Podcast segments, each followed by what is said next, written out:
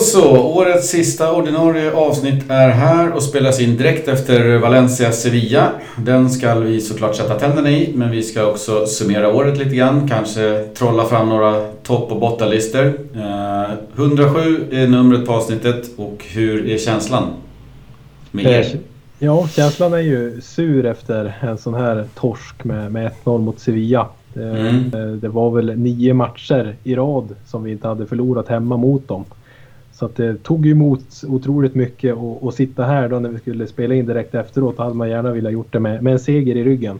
Mm. Niklas? Man visste ju när man såg den där statistiken att eh, Sevilla hade inte vunnit på 10 raka eller 9 raka på, på. Och vi, vi visste man ju att ja, då är det dags idag. Då är det liksom, så fort man ser en sån så vet man att då kommer det vända och ännu mer med, med dagens Valencia kanske. Eh, men annars är väl känslan, delar väl Jockes men också så här. Det här kan nog fan gå precis åt vilket håll som helst. Det är mycket Mm. känslor. Vi, vi är tre, tre personer framför mi- mickarna eh, och det, det är rakt in efter en väldigt sur förlust mot ett väldigt retligt lag. Så att, eh, väldigt spänd på att se var, var det här kommer ta vägen. Får se om jag kan eh, spela lite på fel strängar här så ni blir uppjagade och bjuder på lite irritation. Ja, men det är väl lite så här uppesittarkänsla också på något Ja. sätt. Att vi, vi avrundar, eh, vi får väl se, vi kanske hinner få till något till in, in, innan nyår, men vi avrundar innan jul i alla fall med, med att ha med oss alla tre och göra lite summering och, och Mm. allt vad en uppesittarkväll har att erbjuda. Kanske en del andra surpriser som vi kan slänga in längs vägen. Exakt. Dan för dan för dan. Precis. Eh, men vi börjar väl eh, med lite irriterande grejer eh, från Barca-matchen i helgen som annars var en, en eh, relativt trevlig tillställning. Det mesta i nyhetsväg den här veckan har ju bara handlat om den här eh, straffen då. Så vi tar väl upp den lite kort. Eh, och om vi snabbspolar situationen så kommer ju Grisman ren, Gaia jagar, lägger en liten lätt hand på axeln varpå Grisman faller, domaren visar rött. Eller frilägesutvisning och straff men ångrar sig efter varbilderna. Röda kortet blir gult men straffen kvarstår. Eh, då han till Gaia säger att hans, Gaias ben då rör Griezmann och får då Griezmann ur balans. Eh, räddar, Messi nickar in 1-1 efter att ha varit misstänkt offside. Eh, efter det har ju en nästintill enad fotbollsfamilj, eller vad man ska kalla det, alltså expertdomare som, som har lagt av och, och sitter i studios. Eh, kommentatorer, alla är ju enade. eh, Att det här är felaktigt dömt. Eh, Alla förutom sympati, de som har sympati för Barca då. Vad, vad anser ni om straffen och, och situationen?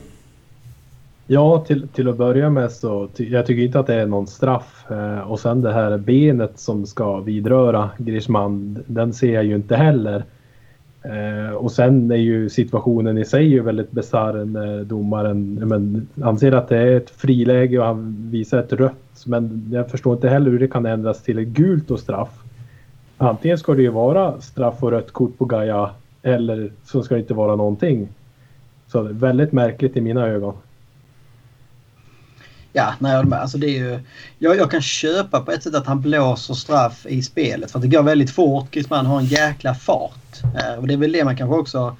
Eh, jag har inte sett någon som liksom eh, har, har lyft det i diskussionen. Men det är väl egentligen det enda. Liksom så, när man kommer i den farten så kanske det inte krävs så mycket för att du ska tappa balansen. Men det är mest relaterat på liksom att du kan veva de här VAR-bilderna många gånger som helst och ändå så liksom kan inte domaren liksom erkänna att det var ett felbeslut att ta bort straffen. Eh, Det, det var ju liksom kaos. Det var, det var straff och sen helt plötsligt rött kort och sen var det först rött kort på Diakabi och alla bara vad fan, vad, vad, vad, vad sa han nu? Sen Mm. bara nej det var Gaia ändå. Ja, Och sen som du säger hur kan man ta bort, om han tar bort det röda så måste han ju liksom anse att, för det, det ska väl vad jag förstår ska det bara vara rött i de lägena om det är så att säga medvetet att du bara vill, du har ingen chans på bollen så att säga. Mm. Eh, och hur kan han säga liksom att Gaia försöker ta bollen eh, men det blir straff ändå och då bara ska vara gult. Så jag håller helt med. Så antingen så är det ju rött och straff eller så är det ingenting. Eh, Ja, jag tror så regeln säger väl att om man, om, om man hade varit utanför straffområdet eh, och fällt Griezmann så är det ju rött kort om man inte går på boll. Men om du medvetet går på boll så är det ju gult. Och han menar på att han först tror att han bara fäller han men sen säger nej jag ser att du går på boll. Men du fäller honom.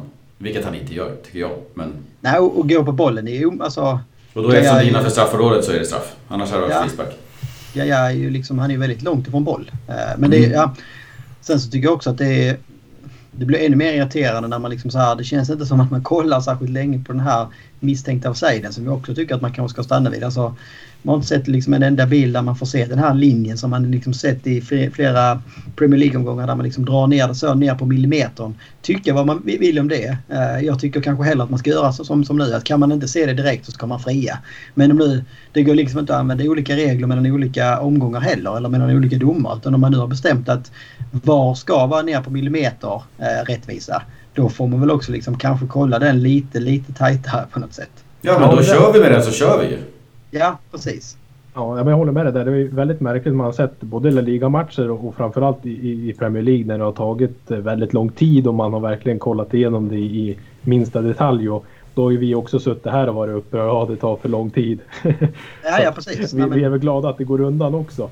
Men jag tycker också att det var oerhört märkligt att det gick så pass snabbt. Eh, och det kändes mer som att man var fortfarande tillbaka och kollade på den där... Att de hade fortfarande den straffsituationen i huvudet. De där ja. gubbarna som sitter framför skärmen. Än att kolla den där faktiska offsiden. Ja. Ja, den är horribel tycker jag. Dels den här armen som man tänker, är det den de tar för? Han, det, han verkligen lägger ju armen på. Det är ingen dragning bakåt.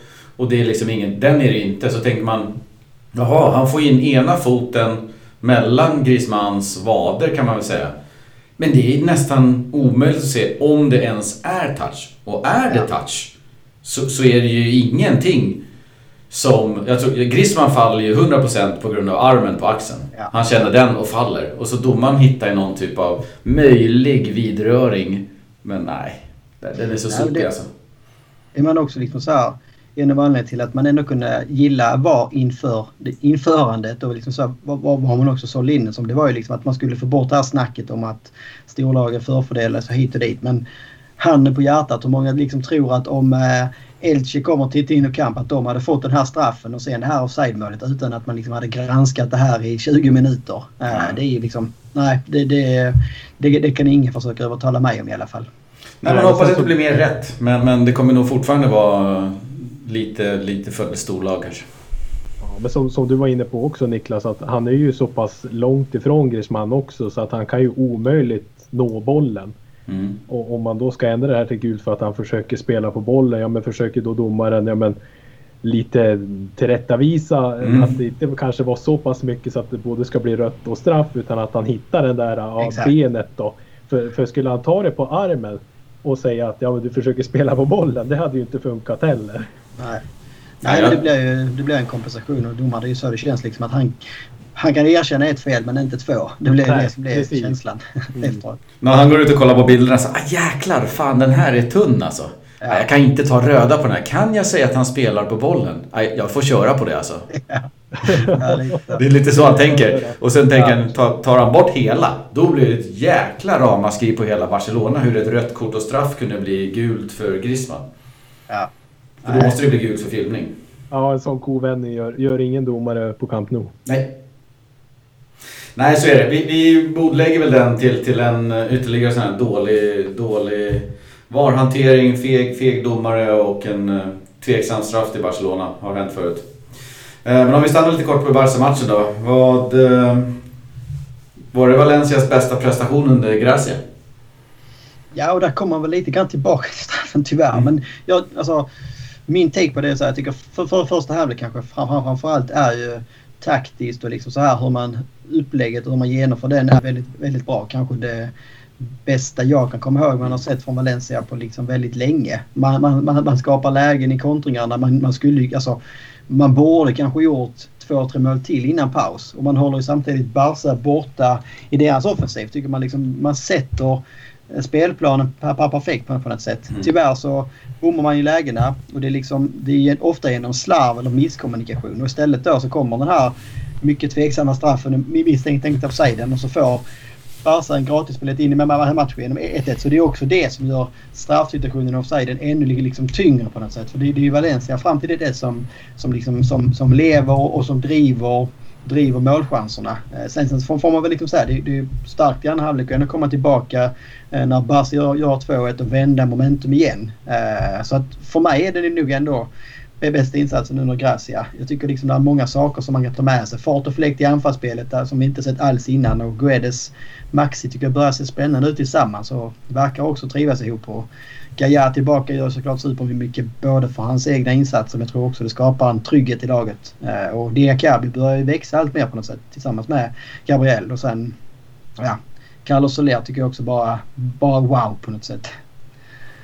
Ja, han är ju hur bra som helst. Eh, I, I flera matcher här nu på slutet Carlos Soler. Man känner att han har vuxit in i den rollen och vad kul det ska bli att eh, ta den vidare liksom. Jag såg på Understat, de här X-goals. Valencia hade två och Barca hade dryga tre. Och det säger väl sitt. Alltså, på Nou Camp så kommer ju Barca alltid ha mer boll och mer chanser. Men det kändes som att vi stod upp. Det var en ganska jämn fight. Alltså man gick därifrån med, med en feldömd straff.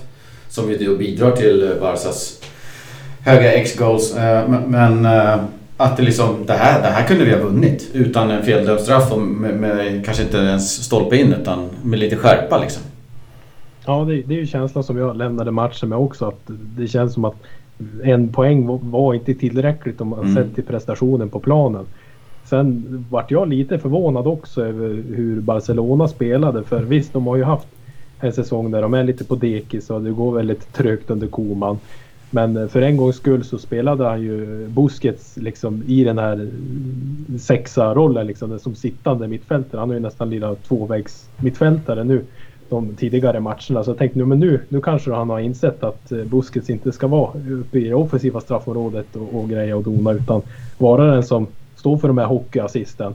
Mm. Eh, men det blev ju likt förbannat ett eh, jäkla sidledsspel bara för dem och jag tycker att vi stänger ner ja, men de centrala ytorna totalt. Mm. Varken Pedri eller Coutinho får ju någon som helst möjlighet att eh, ja, men, få dem i den här mellanytan mellan mittfält och backlinje våran. De får, hittar ju inte in några bollar där utan trycker ut dem på kanten så försvarsmässigt så är det ju utan tvekan den bästa matchen Valencia har gjort under Xavi Gracia.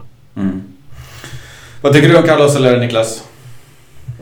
Nej, men jag tycker det både, både spelmässigt och ledarmässigt så...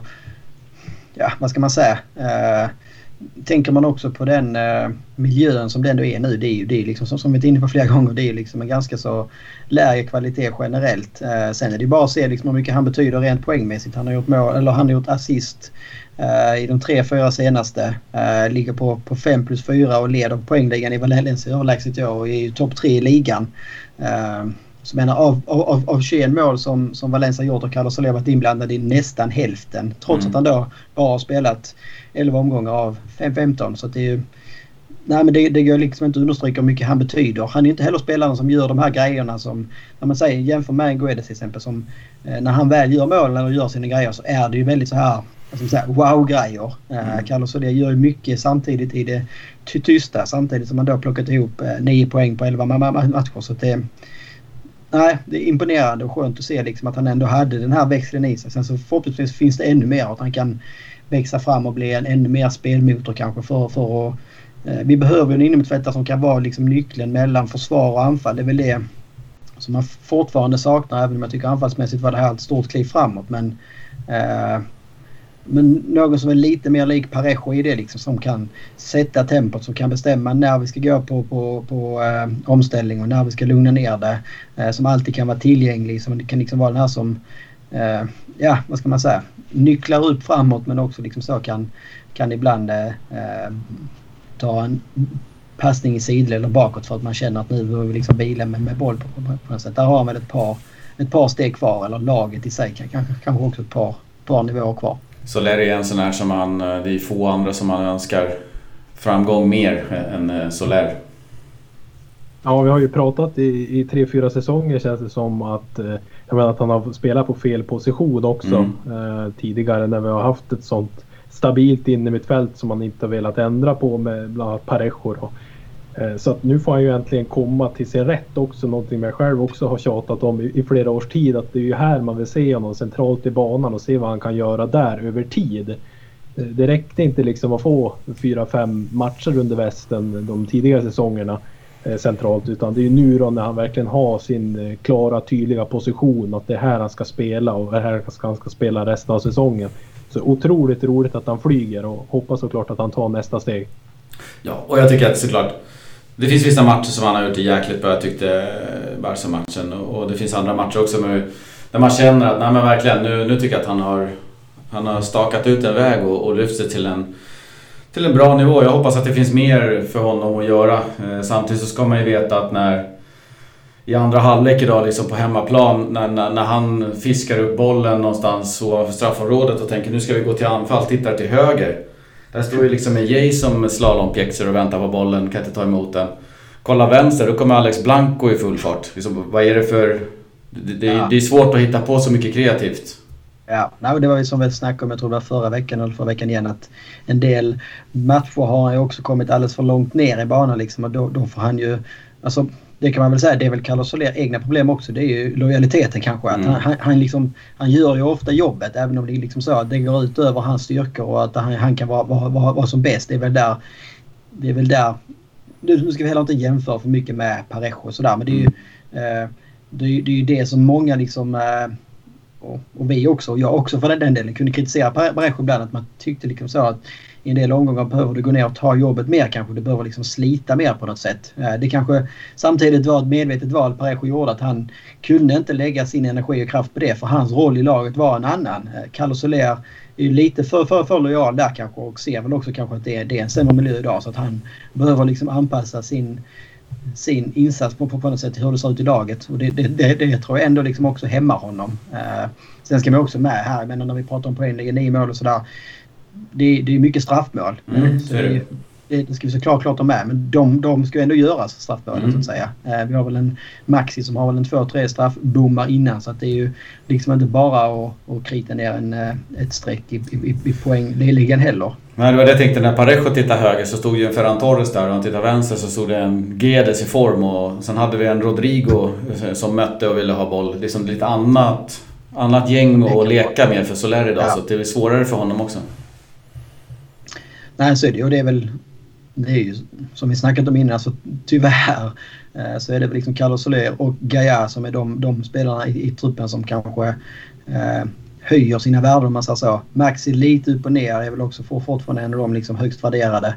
Eh, men om man liksom går tillbaka till de här eh, orden som Anil Murti uttalade på hela den här eh, stämman. Att man kommer fortsätta sälja spelare så blir man ju liksom orolig.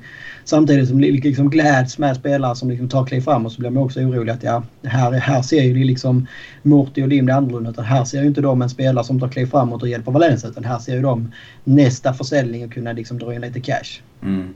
Ja, det är ju det som är så tragiskt att se när vi ändå har, har plockat upp. Speciellt också med de här man har plockat upp från de egna leden. Att eh, de ska bli eh, offer liksom för, för den här organisationen. Ja, det är inte deras fel att de är här.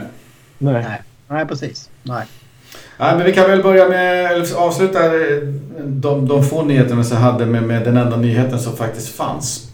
Eh, och jag vet inte om den är positiv eller negativ, det är bara en jävla smörja mannen som varit Peter Linds högra hand hela eh, tiden eh, sedan dag ett. Kim K heter han. Han reser hem till Singapore för gott. Han har ingen eh, återvändsbiljett. Eh, och han är den person som varit alla år varit Peter Linds eh, högra hand. Han har ju som vi rapporterade om, tror jag Niklas, för ett halvår sedan längtat hem.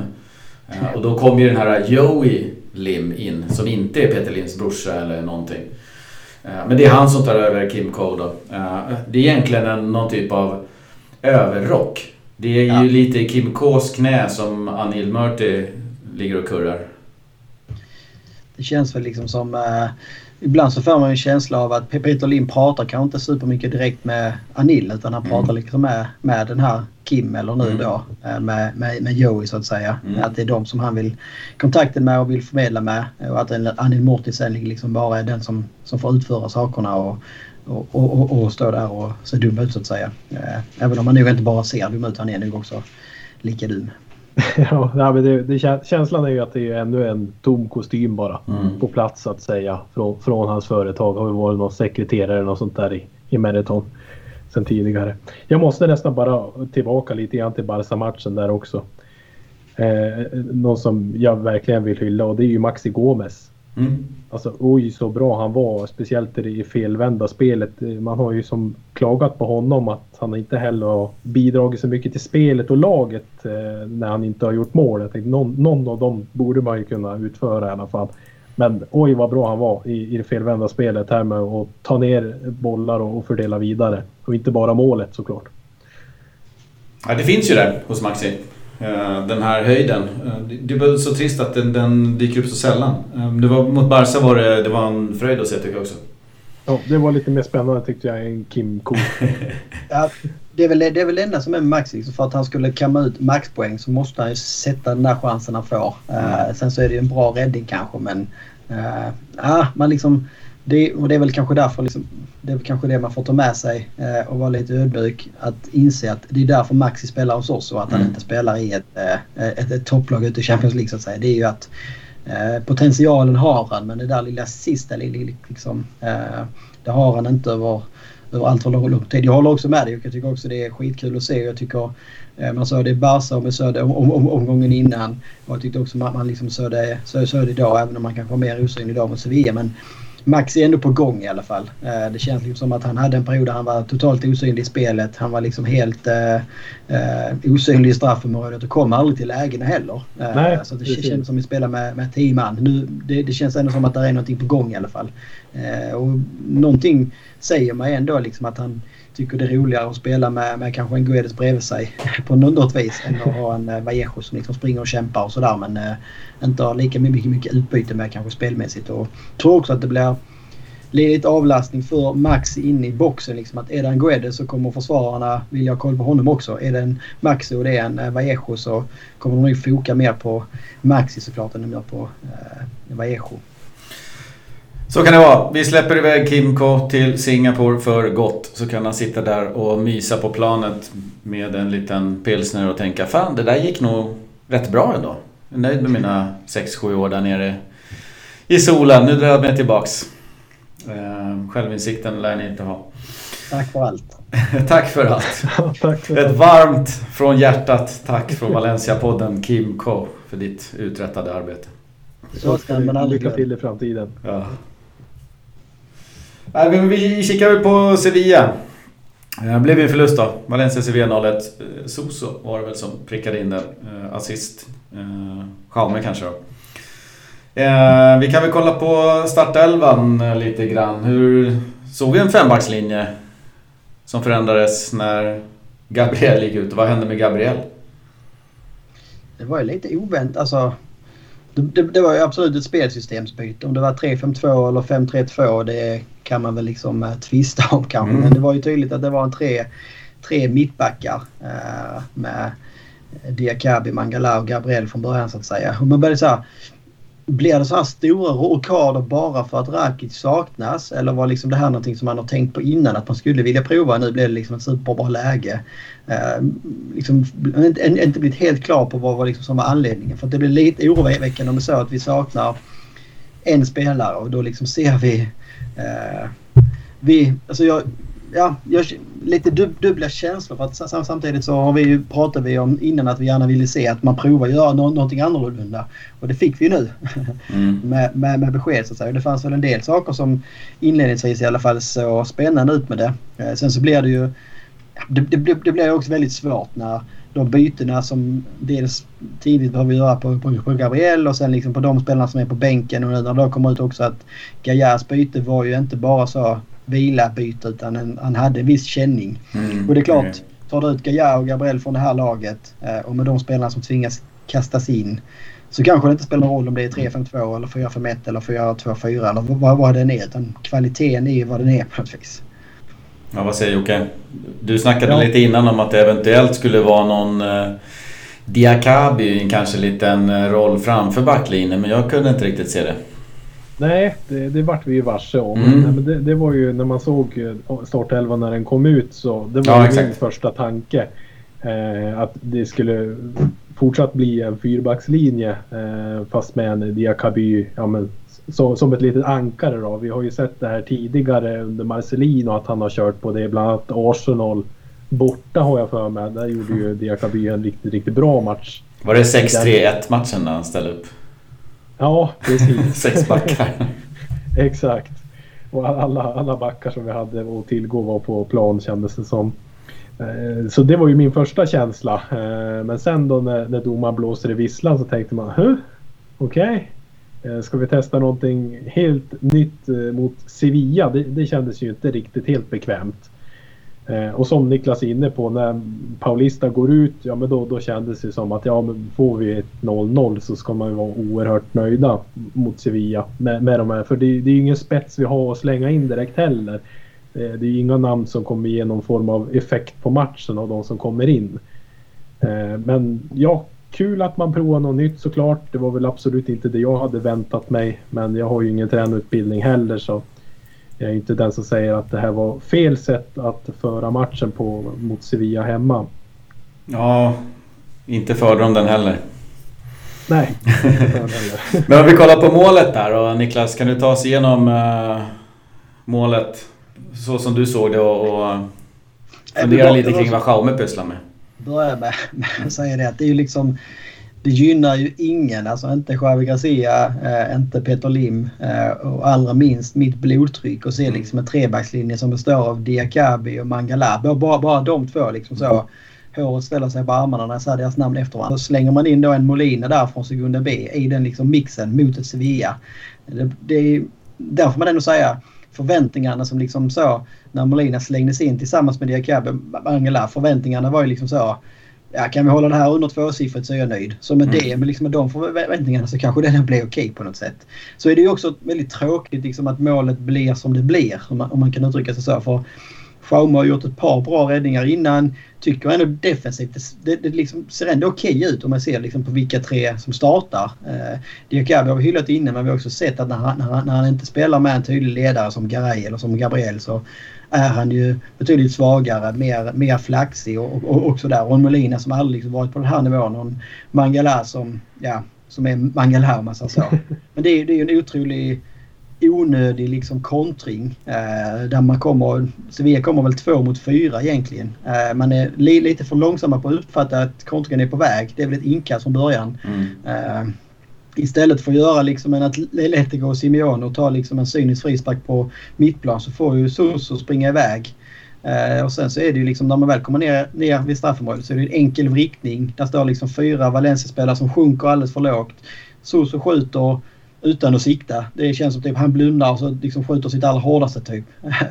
Jaume, jag vet inte vad han gör. Han försöker göra någon slags tv-räddning och boxar istället den rakt in i mål. Det är, det är ett skott mitt på. Hade Jaume stått rakt upp och ner så hade han ju typ fått den i ansiktet. Uh, jag tyckte han slängde sig för tidigt att den kommer på bortre, jag går. Och sen i luften, ja. helvete, den sitter mitt i.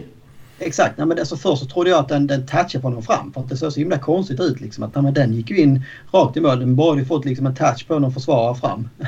för det, mm. det, målet brukar ju se ut då att målvakten är på väg åt ett håll och sen så kommer, precis som du säger, bollen lite grann annorlunda och då, då ser det klantigt ut. Men i det här fallet så var det ju mer Schaume som precis som du säger, chansar. Mm. Eh, av, av, någon anledning. Istället för, för att stå kvar och sen sätter han den i bortre, liksom, drar han upp den i krysset där, fine Men släpp inte in ett sånt mål när det står 0-0 i det läget av matchen på, något sätt. Men tyvärr så är det väl också, alltså vi kan älska Schaume hur mycket vi vill men tyvärr så är ju det här också det man får med Schaume. Det är liksom att de här, eh, de här de här grejerna kommer förr eller senare. Uh, han, han kommer aldrig liksom fila bort det här. Eh, han är i den åldern liksom så att han kommer inte bli eh, någon världsmålvakt och det här är liksom anledningen till, till, till att han inte är en målvakt för topplag i La Liga. Tyvärr. Alltså det är väldigt tråkigt att säga för det är ju, det är en spelare och person som man verkligen gillar. Mm. Och jag tror att han sitter ju hemma ikväll liksom och gråter blod över det här. Uh, men nej, jag tror vi kommer tillbaka till det sen men det här är kvaliteten. Det är liksom mm. inget så vi, vi, kan säga hit och dit att det är en tabbe men det här är faktum att det här är Schaumes kvalitet. Alltså han är inte han är ingen världsmålvakt. De här grejerna mm. kommer. Det är kanske mer liksom att, eh, att det skulle... Det var inte frågan om det skulle komma. För mig hade det mer varit frågan när det kom. Och nu kom det i ett jävligt olyckligt läge. Det hade varit roligare om det här kom när vi leder 4-1 mot Real Madrid och det kommer ut i nionde minuten att det ramlar in 4-2. Nej, nu kommer det istället 0-0 hemma mot Sevilla och en match som står och väger. Även om det liksom eh, i matchen också blir för mig tydligare, tydligare att Sevilla tog över på något sätt. Ja, jag tycker vi hade lägen också. Cheryshev hade och ett liknande läge hade ju Gedes men sköt mitt i magen. Så att det, det, det gäller ju att sätta sina lägen. Absolut. Det känns ju som att Jaume försöker ju på att göra typ en reflexräddning på ett distansskott. Mm. Det är liksom känslan jag får. Men sen ska ju inte situationen uppstå heller för fem öre så backlinjen ska ju ha sin fulla kritik också. Med tanke på att det är alla fyra som egentligen är på rätt sida av bollen går på den där lilla vrickningen som Soso gör. Eh, och jag har ju ställt mig i Xiaomis hörna många gånger men ja, här är det såklart svårt att göra det. Men eh, det här, liksom årets upplag av Valencia, jag har varit inne på det tidigare gällande Xiaomi, man får köpa den här flaxigheten. Man får köpa att han är äter kommer någon sån här jätteblunder lite då och då. Det är som du säger Niklas, det är jättesynd att det kommer när det står 0-0 med 10 minuter kvar mot Sevilla hemma. Mm. Att det ska komma precis där och då. Men jag har ju ingen annan målvakt i, i laget jag hellre skulle vilja ha mellan stolparna än Jaume. För han har räddat oss också många gånger den här säsongen. Det ska sägas att han har ju ändå filat bort en del av den här äh, flaxigheten om man säger så. Ja, man har väl flest räddningar i ligan. Mm. ja, jag håller med. Alltså det, det, det, det kommer vi säkert komma tillbaka till när vi, när vi analyserar Sevilla vidare. Det är liksom så Nej, jag liksom så här sitter inte och känner någon agg mot Schauma. Alltså som man så här kunde känna över en del av Gameros bommar till exempel i andra matcher eller mot Guedes insats eller Maxis insats. För, nej, alltså. Jag vet inte. Jag kan inte kräva att Schauma ska vara, vara perfekt för att det, det är liksom. Han gör inte det medvetet. Han är inte bättre än sådär. Alltså tyvärr. Och det är liksom ingen, det är ingen kritik utan det är bara liksom ett konstaterande tyvärr. Att, ja, det är skittråkigt. Uh, men han är den bästa vi har. Hur, hur, liksom, hur jävla krasst den kan låta så, så är det ju så. Precis ja, men jag tycker ändå liksom att han har tagit steg. Jag tycker ändå inte att han har stagnerat. Visst, han är ju till 29-30 år. Eh, men, men, om man tänker sig tillbaka ja, men en 3-4 år tillbaka i tiden när han fick stå i lite cupmatcher och någon match i ligan. Ja, men då kanske det var säg 7-8 matcher totalt för honom på en hel säsong. Och han gjorde ju misstag i kanske två utav dem som ledde till ett baklängesmål. Eh, på den nivån är han ju inte nu utan nu är han ju mycket mer stabilare och har ju såklart säkert mycket att göra med att han är ju första valet nu också. Att han får spela kontinuerligt. Ja, man får, man får en känsla av att liksom Schaume vill ju han tycker ju liksom om, han vill ju så mycket på något sätt. Han vill, ju, alltså, han vill ju hjälpa Valencia och han vill liksom hjälpa laget och han vill så himla mycket. Och jag, tror, alltså, jag tror du är inne på någonting där. Liksom, då när han inte spelar särskilt ofta så vill han för mycket när han väl, väl får spela. Eh, och då blir det mm. liksom så att det, det, det kommer, kommer skott och sådär och så vill han liksom försöka läsa det för, för att kunna göra en omöjlig räddning krysset. Men då slutar det istället med att du släpper in ett billigt mål mitt i mål. Och det är, för mig är det det som är skillnaden mellan liksom riktigt stabil och bra keeper. Det är liksom så här. De, de släpper aldrig in några billiga mål. Eh, sen så kanske de inte heller gör lika många av de här uh, omöjliga räddningarna. Men hellre liksom ta det här som du ska ta.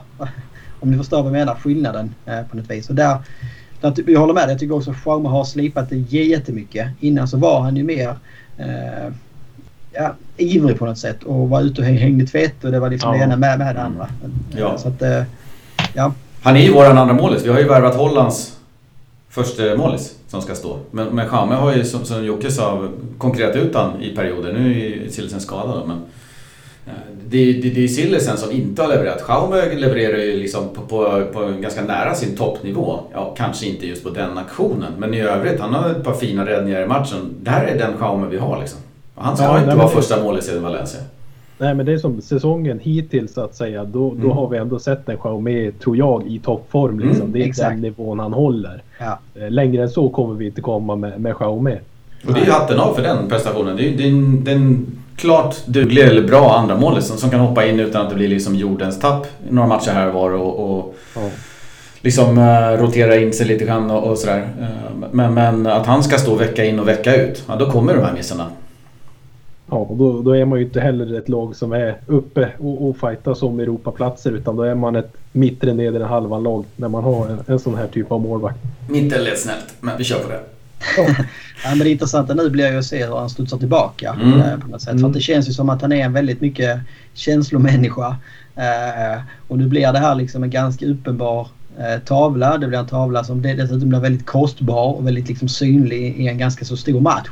Eh, det är bara liksom att hoppas att han också med sin ålder och sin mognad och liksom sin erfarenhet nu kan ta det här på ett bra sätt och studsa liksom ifrån det här och liksom glömma det, det, det, det nu och liksom när det är kommande match så är han där och då. Eh, och, och att, det, det, att, det, att, att det kommer dröja 14 omgångar till till vi får se det här igen. Eh, så att det liksom inte blir så att det sätter sig i huvudet och nu kommer det bli så att nu är det istället var tredje match som det är liknande grejer som händer på något vis. Men det är så jag har eh, bilden av Xiaomi, att det är ett jäkla pannben på den killen. Eh, han har hjärtat på rätt sätt, rätt ställe. Han spelar i laget i sitt hjärta och jobbar typ hårdare än alla andra. Eh, har det visat sig på några sommarträningar när han har suttit på bänken så här länge. Det är ingen som slappar av eller skiter i det. Han, han, jag, har fått, jag har fått känslan av att det där är en kille som verkligen hänger upp den här tavlan på väggen och kikar på den och lär sig gå vidare. Han spelar ändå... Han är i sin dröm liksom. Spelar för Valencia. Ja. Ja, ja hoppas det. Det, men alltså, det jag ibland kan vara lite så... Det går väl tillbaka till Jaume och Gaia och Soler liksom. Det är också hur mycket påverkar liksom allting runt omkring de här personerna på något sätt. Alltså det är fortfarande människor. Det här är tre personer som har levt med Valencia CF som liksom uppväxt i klubben. Uh, allting som händer runt omkring sen innan och sen nu liksom att helt plötsligt så hamnar klubben i, i, i en bottenstrid på riktigt. Det börjar liksom skrivas om det i media hit och dit om Segunda.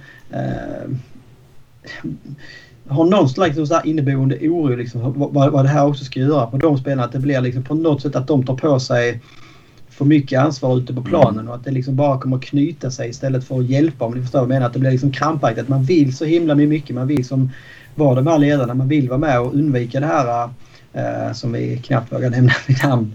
Säga. Eh, och att det liksom då blir, ibland så blir det så när du vill för mycket så blir det liksom skit av det på något vis. Mm. Du tror inte att Daniel Mörti kliver ner i omklädningsrummet och, och tar på sig det här och, och lyfter på, på trycket på deras axlar då? Ja, det är mycket möjligt att det händer på träningen. Han kör sådana här Hamrén brandtal. Tillsammans är vi starka. så det läser på pappret. Ja. Ja, men kan vi gå till nästa punkt som uh, Ja, vi har så jäkla litet körschema. här, Vi tänkte vi tar det från höften, men vi tänkte prata lite om kvaliteten saknas och, och vad mer saknas. Jag läste en ganska intressant uh, tweet uh, från uh, Paco direkt efter matchen där han sa att han är så jävla stolt över grabbarna i laget. Fast de kämpar som djur. Men, men kvaliteten finns inte. Det saknas kvalitet och det, det, det är liksom inte deras fel. Att, att, alltså de, de, många av dem presterar ju liksom på den nivån som de är. Men de slängs in i ett sammanhang där de kanske inte hör hemma och då var det någon som kommenterade att Ja men så är det. Man får ju verkligen känna stolthet över många spelare i laget. Eh, men samtidigt så har vi inte en sämre trupp än eh, Elche och Granada och flera av de andra klubbarna. Vad, vad, vad, säger det om Gracias gärningar? Han har ju bättre verktyg, även fast inte han har de verktygen som han har har, de spelarna som han vill ha. Så har han ju en bättre trupp än åtminstone hälften av lagen i La Liga. Men han får inte ihop det. Nej, men eh, det, det är ju som vi var inne på tidigare. Att tidigare så hade ju Soler eh, chansen att, att, spela ut till en Ferran till höger och Rodrigo mm. som kom mötandes och så vidare. Eh, och, och, om man ska bolla upp lag som Elche, Eibar och den här typen av lag. Ja, men de har aldrig haft ett sånt bra lag. Alltså de har ju gnetat på år in år ut med ungefär samma kvalitet på truppen och byggt sitt lag och stomme. Mm. Eh, Valencia har ju varit uppe på en nivå där vi eh, tar Champions League-platser, vi är ute och spelar i Europa, vi har flertalet landslagsspelare. Och sen går man in eh, inom loppet bara på en sommar och, och tar bort det. Man tar bort hela centrala stommen. Garay försvinner, Parejo försvinner, Ferran Torres, Rodrigo och så vidare. Nu ska de här spelarna ställa om från att ha spelat med landslagsspelare till att spela med Alex Blanco. Mm. Alltså den, den liksom eh, förändringen, det gör man inte på en dag. För all, i de flesta fotbollslag bygger ju på kontinuitet och det genererar framgång i slutändan.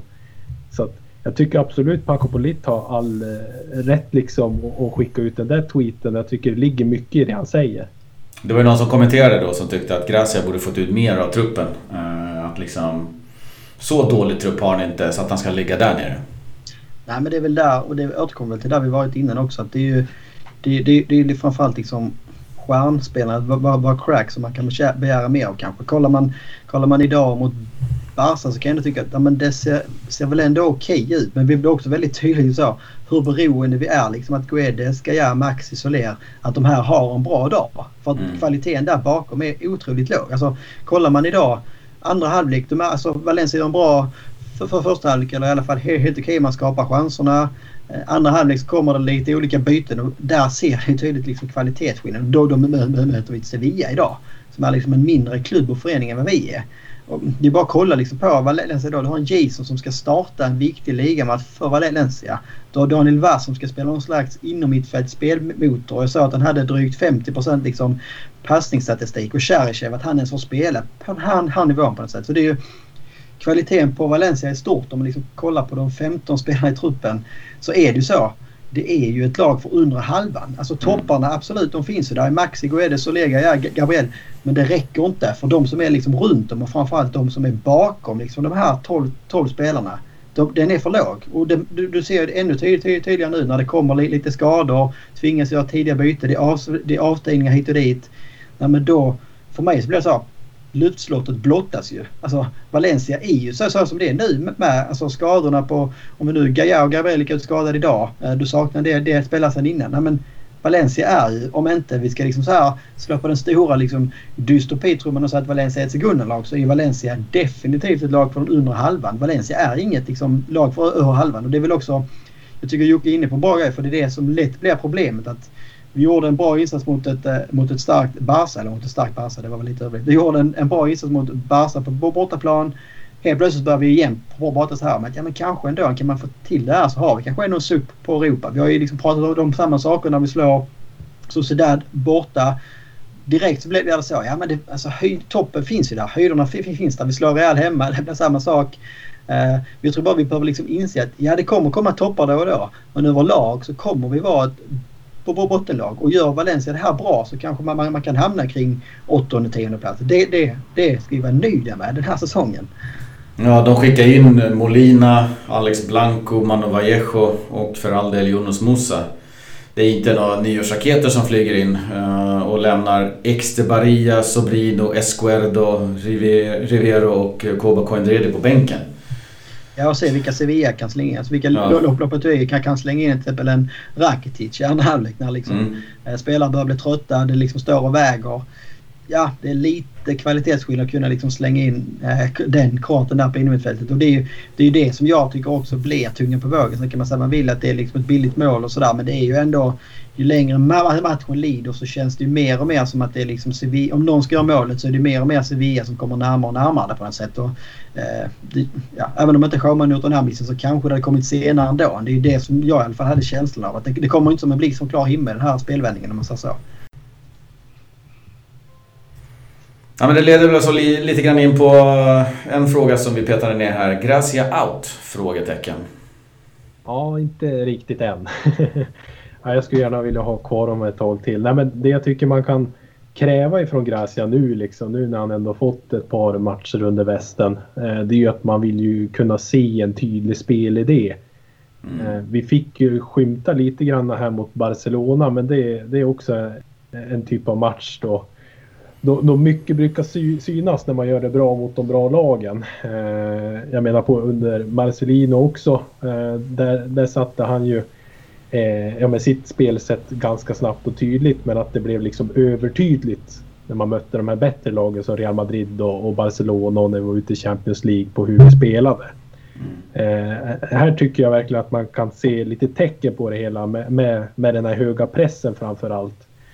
Det syntes ju att man jobbade ju mer i en, en kollektiv press än vad man har gjort tidigare matcher, i alla fall i mina ögon. Att eh, Maxi hade sin gubbe, Guedes kom upp på sin och, och backlinjen också följde med eh, i, i pressspelet. Eh, även när Barcelona hade bollen på egen planhalva, att man vågar göra det. För det, det är väldigt få lag som brukar våga gå upp så högt i press när man möter Barcelona. Eh, så det var kul att se. Eh, men jag skulle vilja ha mer, ännu tydligare och nu med den här Sevilla-matchen i ryggen med ändrad formation och massvis med rotationer av spelare så var väl inte det det bästa kvittot.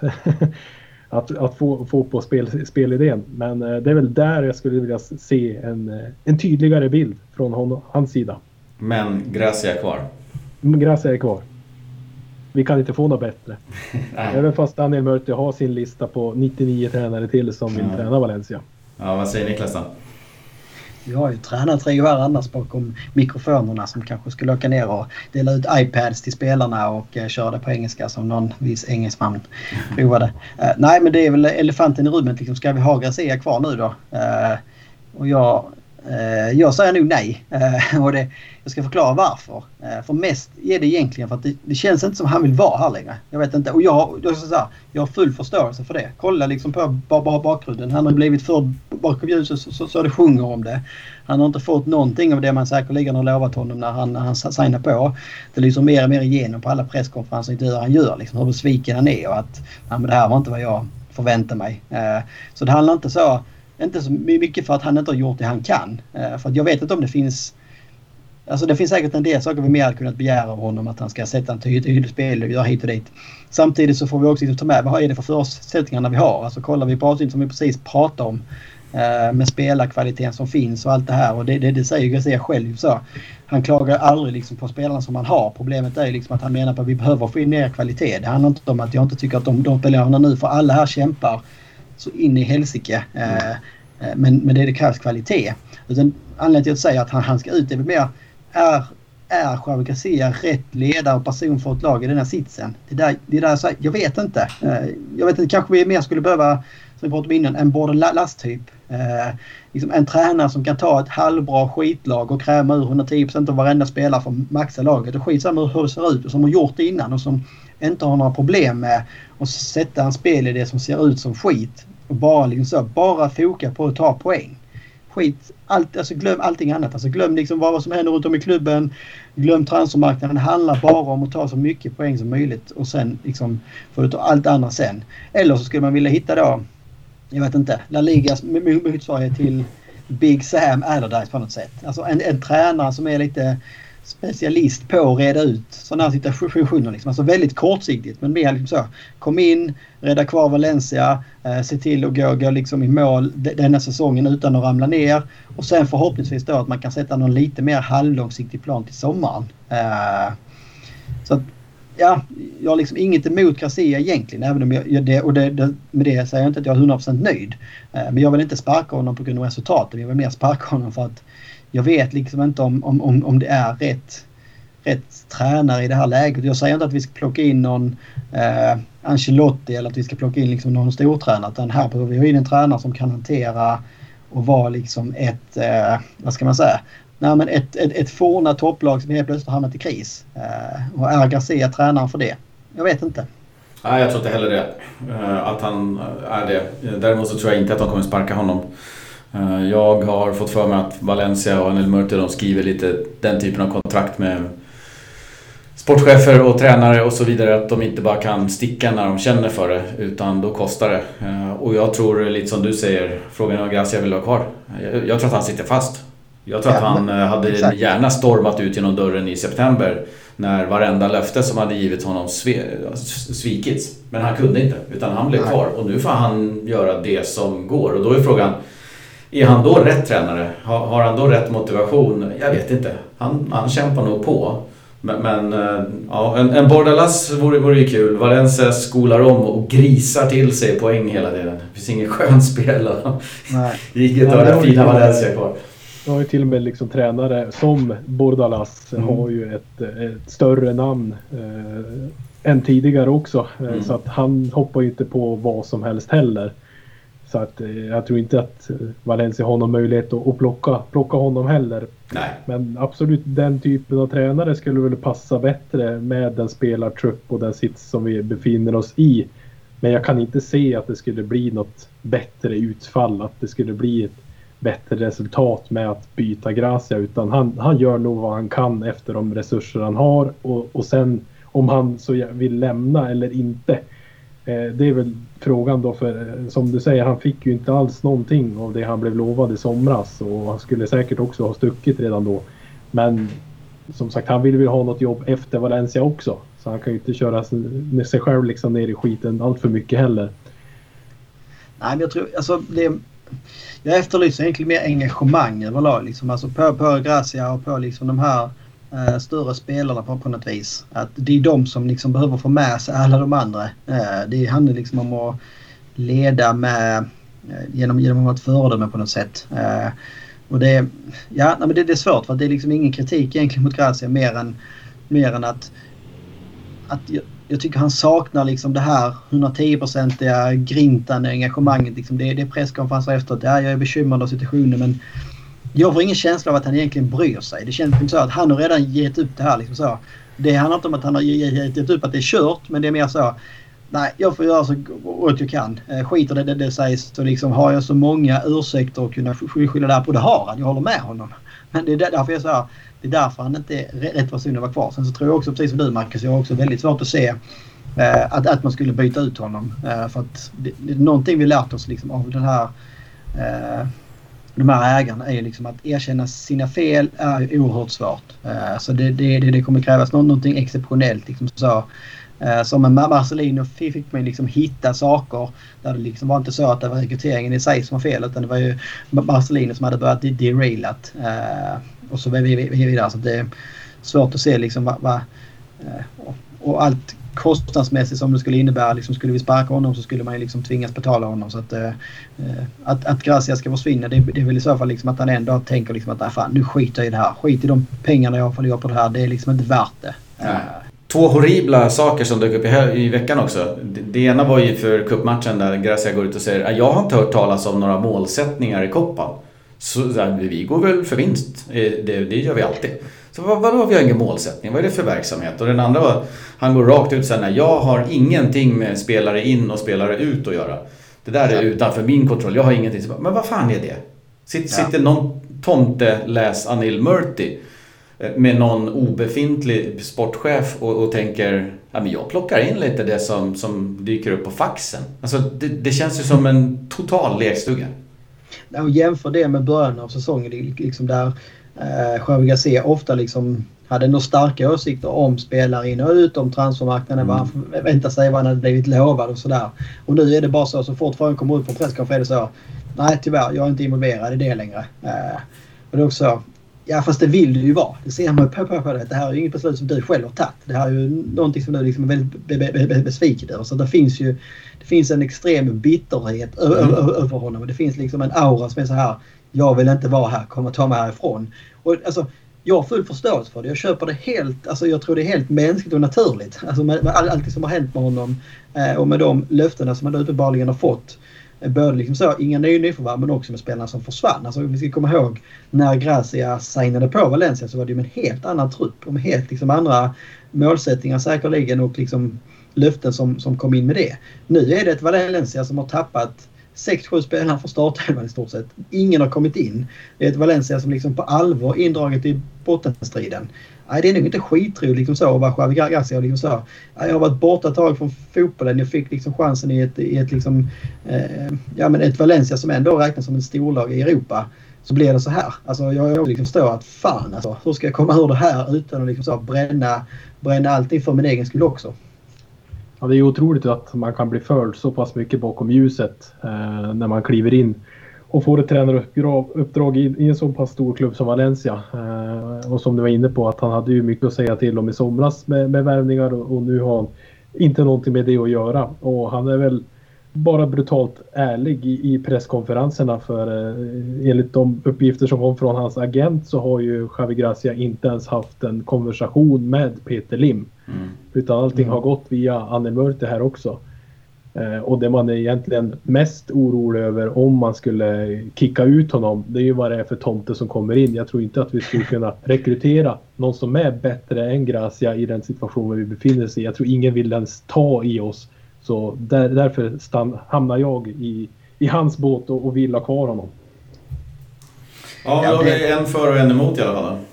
Det, det enda som hamnar väl emot Gracia själv det är ju också liksom att uh ja, alltså det är klart så här, han har blivit lovad grejer hit och dit. Uh, man kan också fråga sig hur mycket egen liksom, research har han gjort liksom, på hur mycket är ett löfte från Ali Murti värt historiskt sett? Inte så mycket. Hur, liksom, hur, hur, hur gick det för Marcelin och Alemani som tog Valencia liksom till höjder som man inte varit på på, på över ett, liksom ett årtionde? Inte särskilt bra. De liksom sparkar man ut bakvägen trots, trots resultaten. Eh, så man, man, kan också vara så det är jätteenkelt för Gracia att spela martyr också. Alltså om man ska vända på myntet så är det ju det. Eh, det är liksom jätteenkelt att säga att nej, men det här och det här lovades och det här och det här fick jag ju så gott jag kan. Eh, och sen liksom så måste ni sänka förväntningarna, förhoppningarna på mig på något sätt. Så ja, det är, det är en balansgång också kan jag tycka. Att nu är han ju där han är. Då tycker jag ändå man, man kan begära lite mer av honom i alla fall. Så jag står en jäkla... Jag står och vänder och vrider hur fram och tillbaka, bara, bara, bara, bara, bara liksom egentligen vore bäst. Eh, även om jag också är inne som du Jocke. Det är ju det som, liksom så, när det väl kommer till kritan. Uh, om jag liksom varit, varit anonym vilket jag som tur var inte och skulle börja bestämma så liksom är det också, ska man göra sig av med någon så måste man också liksom veta vad är alternativet. Och precis som du säger Jocke så är jag kanske också osäker på om Valencia liksom ser det på samma sätt som vi, vi gör här. Att men den här typen av tränare hade kanske varit bättre än Gracia. Utan då, då, då, då kommer det kanske istället komma in en ny Celades eller en ny Gary Neville. Och är det bättre än Gracia? Nej, mest troligt inte. Nej, det är ju där man är rädd att hamna igen. Ett vakuum. En ny, ny down period alla Neville liksom. Ja, men det, och det är det som liksom är det mest sorgliga på ett sätt kan jag tycka att Valencia har hamnat i en sån situation. Så, damn if you do and damn if you don't. Alltså mm. vad vi än gör så blir det liksom skit av det. och att, att man ska behöva liksom vara i en sån situation som, Valen, som en, för, för en klubb som Valencia. Det, är ju, det, alltså, det blir ju bara sorgligt egentligen. Ja, det är verkligen. Riktigt, riktigt sorgligt. Vi tar väl och tar en, eh, en liten bensträckare eh, på sju sekunder. Så börjar vi kika på lite eh, listor över året och kollar tillbaks på vad som har hänt år 2020. Spännande.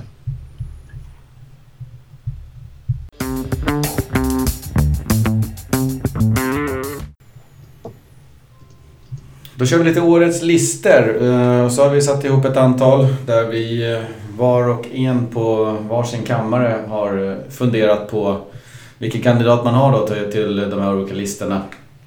Så har vi inte pratat något mer om det. Så det blir ganska spännande att se vad, vad ni har ritat ner.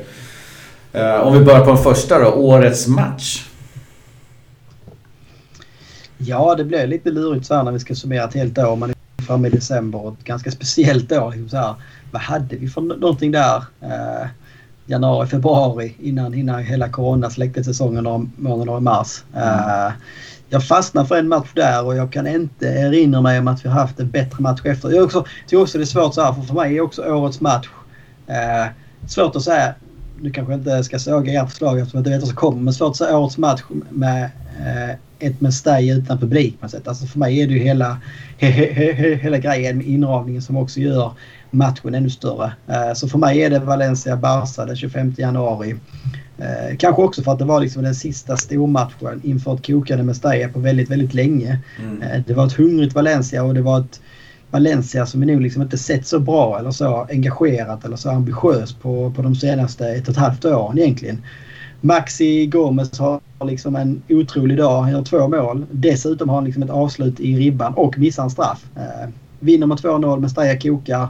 Och där och då i januari så satt man ändå med en del liksom hopp och drömmar efteråt. Eh, om att så här, ja, men det här kan kanske ändå gå helt okej i ligan. Det här kan kanske ändå liksom... Vi har Atta i, i, i Champions League. Fan, det kan ändå bli en rolig vår. Sen att alla de drömmarna skulle släckas liksom brutalt senare, det vi, vi, vi visste vi inte då. Eh, men, men, för mig var det, blev det ett enkelt val till sist. Vad säger Jocke? Har du ja, samma? Jag har ju samma där. Mm. ja, det är precis som, som, du säger Niklas, att det är, det är svårt att välja en, en årets match utan publik och det här var ju verkligen ett fullsatt Mestalla. Eh, nu gick inte du in på de delar som jag hade tagit fram så det var ju bra i alla fall. Så vi kan ju ändå kanske välja samma match du och jag då. Fast det kanske blir lite tråkigt för lyssnarna. Eh, men det var ju en match som innehöll det mesta också. När Maxi brände straffen tidigt så tänkte man jaha, det var den chansen där mot Barcelona. Eh, men hur vi kämpar och, springer för varandra på, planen i den matchen och Maxi då som inte deppar ner sig efter straffmissen utan får till de här två målen. Eh, sen måste ju tilläggas att eh, det gör ju ingenting att han vallar den första målet på Jordi Alba in i mål. Nej, just det.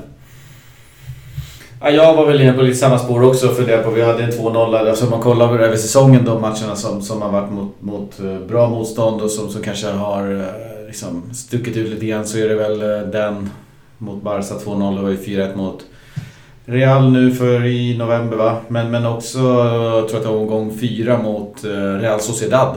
Som sen skulle visa sig ha en riktigt stark stint efter det. Och, och att bara ta den segern var ju också stor.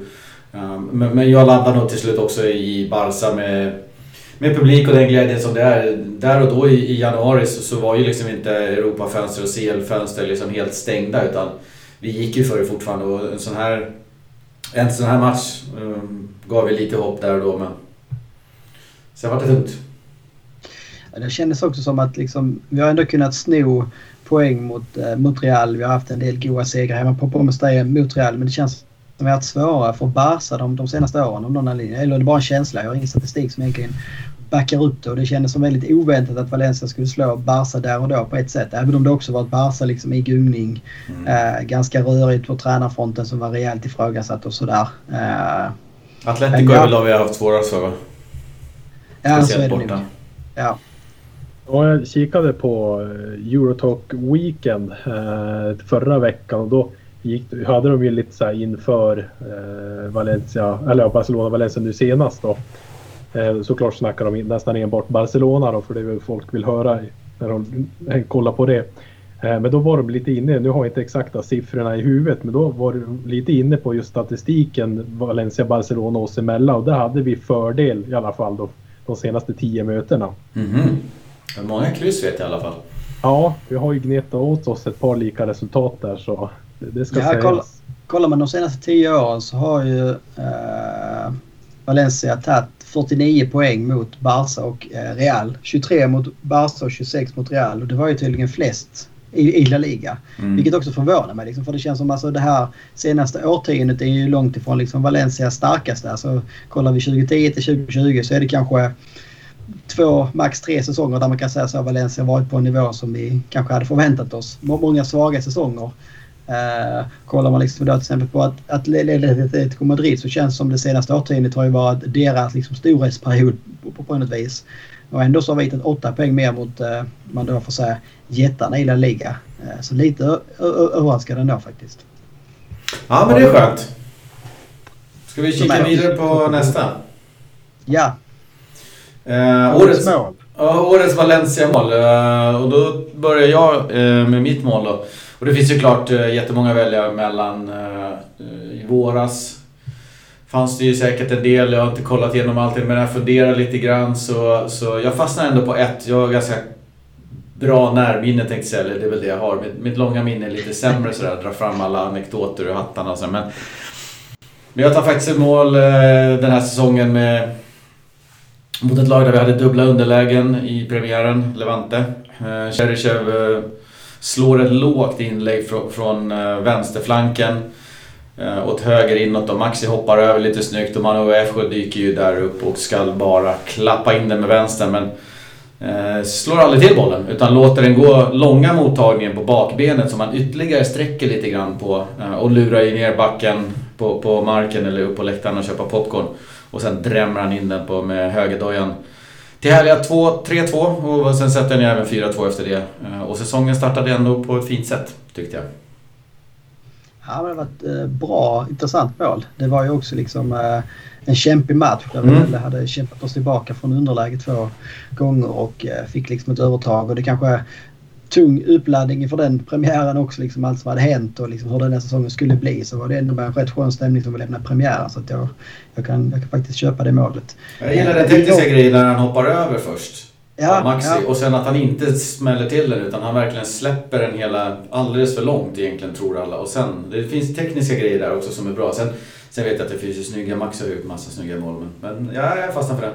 Ja, jag tror, ja. jag tror det var du och jag, eh, Marcus, som spelade in podden där mm. när vi snackade ner den matchen också. Mm. Och, och, det är ju ett sånt här mål man, man minns faktiskt. Och när du berättar det så ser jag precis allting hända där mm. framför mig också. Mm.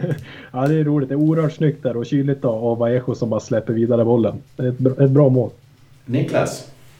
Ja, alltså jag satt också för det. Det är supersvårt och man behöver gå tillbaka och se en del, se en del mål eh, för att liksom inte inte glömma något, något, något snyggt. Och till sist kom vi ner till tre kandidater. Eh, det var två Guedes-mål och ett, eh, en Parejo-frispark mot Alaves. Eh, alla tre var i våras. Jag vet inte vad det säger om denna hösten. Och det ena Guedes-målet var det här monsterskottet utanför straffområdet där han drar ut en stenart upp i krysset. Men det, det, det jag till sist faller för. Jag tror kanske lite grann också just här omkring den här tiden på året. Mycket Maradona-minnen som cirkulerar. Det här var för mig ganska så det är ingen kopia så, men det är ändå ett ganska likt Maradona-mål. Och det är det Guedes, eh, det här solomålet som han gör hemma på Pomestaya mot Osasuna. Där han liksom han är väl nere och studsar marken två gånger tror jag men tar sig upp och tar sig förbi fem, sex sådana spelare. Så gör han liksom en lätt vrickning och sen så drar han upp den i krysset. Alltså för mig är det ju Guedes. Vi har det här Sevilla-målet som han gjorde när du var på Fastmonstär som också är väldigt, mm. väldigt hög klass. Och där börjar han kanske längre ner i banan. Eh, men dribblingsmässigt så håller nästan det här målet högre. Mm. Eh, och det var det, det var det jag föll för här 2020. Där ser man ändå vilken högsta nivå som, som eh, Gonzalo Guedes har. Ja, det, det var ett bra mål. Den hade jag faktiskt eh, lite... Eller jag hade inte den i åtanke eller kom på den. Men nu när du berättar så, så kommer jag just det, han ramlar ett par gånger och, och ställer sig upp och vägrar och verkligen anbenar sig framåt och bara stänker hit den. Ja, han ligger ju liksom på magen känns det som med, med händer och ben utsträckta bara platt på, på marken och kommer upp så snabbt och kommer till det där monsteravslutet. Men det är lite Guedes i, i sitt esse det där tycker man att det, ja. det, det, han gör saker lite för snabbt för sitt eget bästa. Och, men när han väl lyckas då, då ser det ju fantastiskt ut när han får till de där skotten. Mm. Ja. Vad hade du då Jocke? Ja, jag landade i ett Guedes mål också. Eh, också det från i, i, våras när säsongen, förra säsongen kickade igång igen då. Eh, och det är Guedes mål mot Granada där i juli. Eh, och det, det, är ju en hörna som nickas ut ur straffområdet eh, och landar då hos eh, Gabriel Paulista som helt plötsligt ser ut som Cristiano Ronaldo tror man ju. Mm. Han, han, suger ju ner bollen liksom. Det ser ut som att hans ben växer två meter och så suger han in bollen och i samma rörelse så klackar han den fram till eh, Guedes då som laddar bössan och, och rätt upp i krysset. Och det går ju inte att sammanfatta det bättre än vad den spanska kommentatorn gjorde när han sa Mare mia, mare mia. Så jag landar i ett eh, Guedes mål jag också.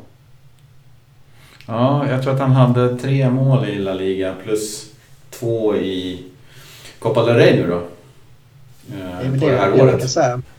Man kan säga, det man kan säga om Guedes stil. när han väljer mål så är det ofta det är väldigt, väldigt snygga mål. Mm. Ja precis, eh, många spelare kan ju bli stämplad med den och, och Guedes är väl där i och med att han inte gör så många då. Exakt, man hade hellre sett fler och lite fulare kanske. Än, ja tack. Ja, tack. snygga. Mm.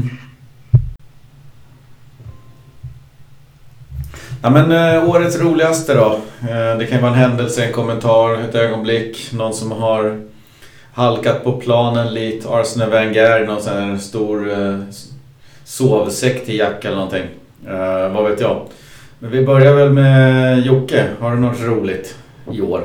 Ja, man fick ju leta leta länge innan man mm. hittade något roligt. Eh, men jag måste nog ändå landa i alla de här spratten som fansen har spelat Anel Murti och hans gubbar. Och mariachi-bandet tar väl priset i den här kategorin kan jag tycka. Mm. Man, man, kan ju inte sluta garva när man kollar på de här bilderna och, och filmerna. Uh, hur de följer efter dem överallt från uteserveringar tills att de står utanför kontoret liksom och spelar och de drar väl ner persiennerna och gör allt de kan för att inte höra dem. Eh, så jag landar väl i det och sen den här skylten tyckte jag också var väldigt trevlig som de satte upp eh, utanför eh, kontoret deras med hur många kilometer och vilken riktning det var till Singapore. Ja men just det. Så att jag landar väl där. ja, det, det, är väl där vi får landa. Jag hade faktiskt ritat ner mariachi-bandet som jag tycker var ett harmlöst Eh, men ändå hjärtligt och allvarligt liksom. Att det, det, det, ger ju sitt eko runt om i världen. Eh, det finns ju artiklar liksom i, i svensk media om det här. Eh, och så det, det, har ju nått även icke-Valencia-fans här så det får en jäkla spridning och jag tror kanske mer spridning än demonstrationerna som de hade och begravningen av, av klubben där. Så att just den typen där man har, alltså, alltså när man gör någonting, det är ju ett missnöjes event så att säga. Det är en missnöjesgrej mot ledningen. De är less på ledningen. Stick och dra härifrån liksom. Så, så hånar man dem lite grann men jag tycker inte man går över gränsen eh, enligt mig utan man håller på, på en ganska humoristisk nivå. Ett härligt mariachiband, lite musik och så når det liksom med det spridningen över hela världen. Alla tycker att det var askul. Så att, eh, bra touch timing, glimten i ögat och riktigt snyggt gjort. Det tyckte jag också var årets roligaste. Ja, jag håller väl med er. Eh, jag tyckte också, men som sagt, mest komiska var absolut det.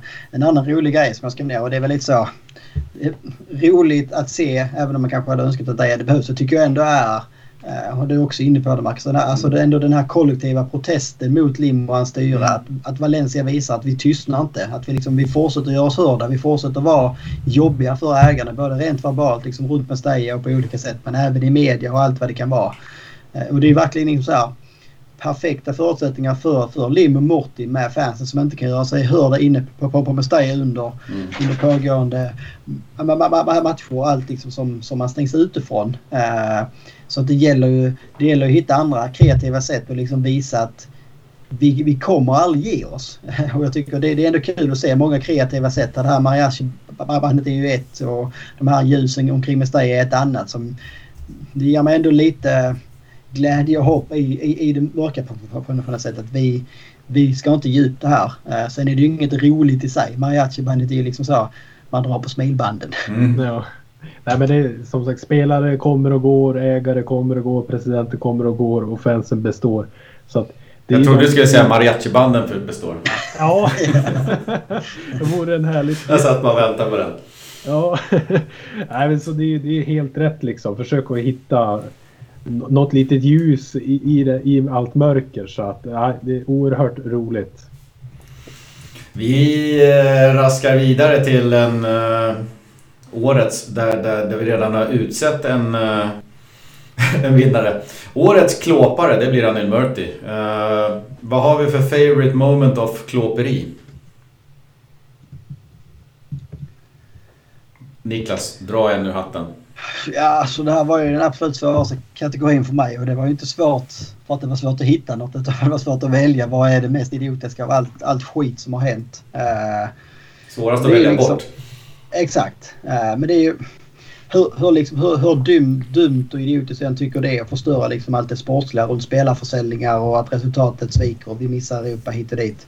Uh, så liksom det mest det som gör mest ont är väl hela grejen runt allt det här man börjar med på slutet. Liksom. Att man, man ändrar stadgar i klubben. Eh, man bemöter inte mediet utan tvärtom motarbetar och anser liksom att allt är fake news. Och det, mm. det är de sakerna som gör mig mer orolig på något sätt. För det är också, det är också en trend i världen bland maktfullkomna konspirationsteoretiker, typ Trump i USA också, att använda denna taktiken. Och för mig gör det ont att se att det här kommer till, till liksom Valencia. Att, eh, Ja, men man inser också att det finns ju liksom inga gränser för vad Lima Motor kan dras till. Man är ju helt gränslös och totalt maktgalna där. Och då, då blir man orolig på riktigt liksom för, ja, men nästan för klubbens existens på något sätt. För att mm.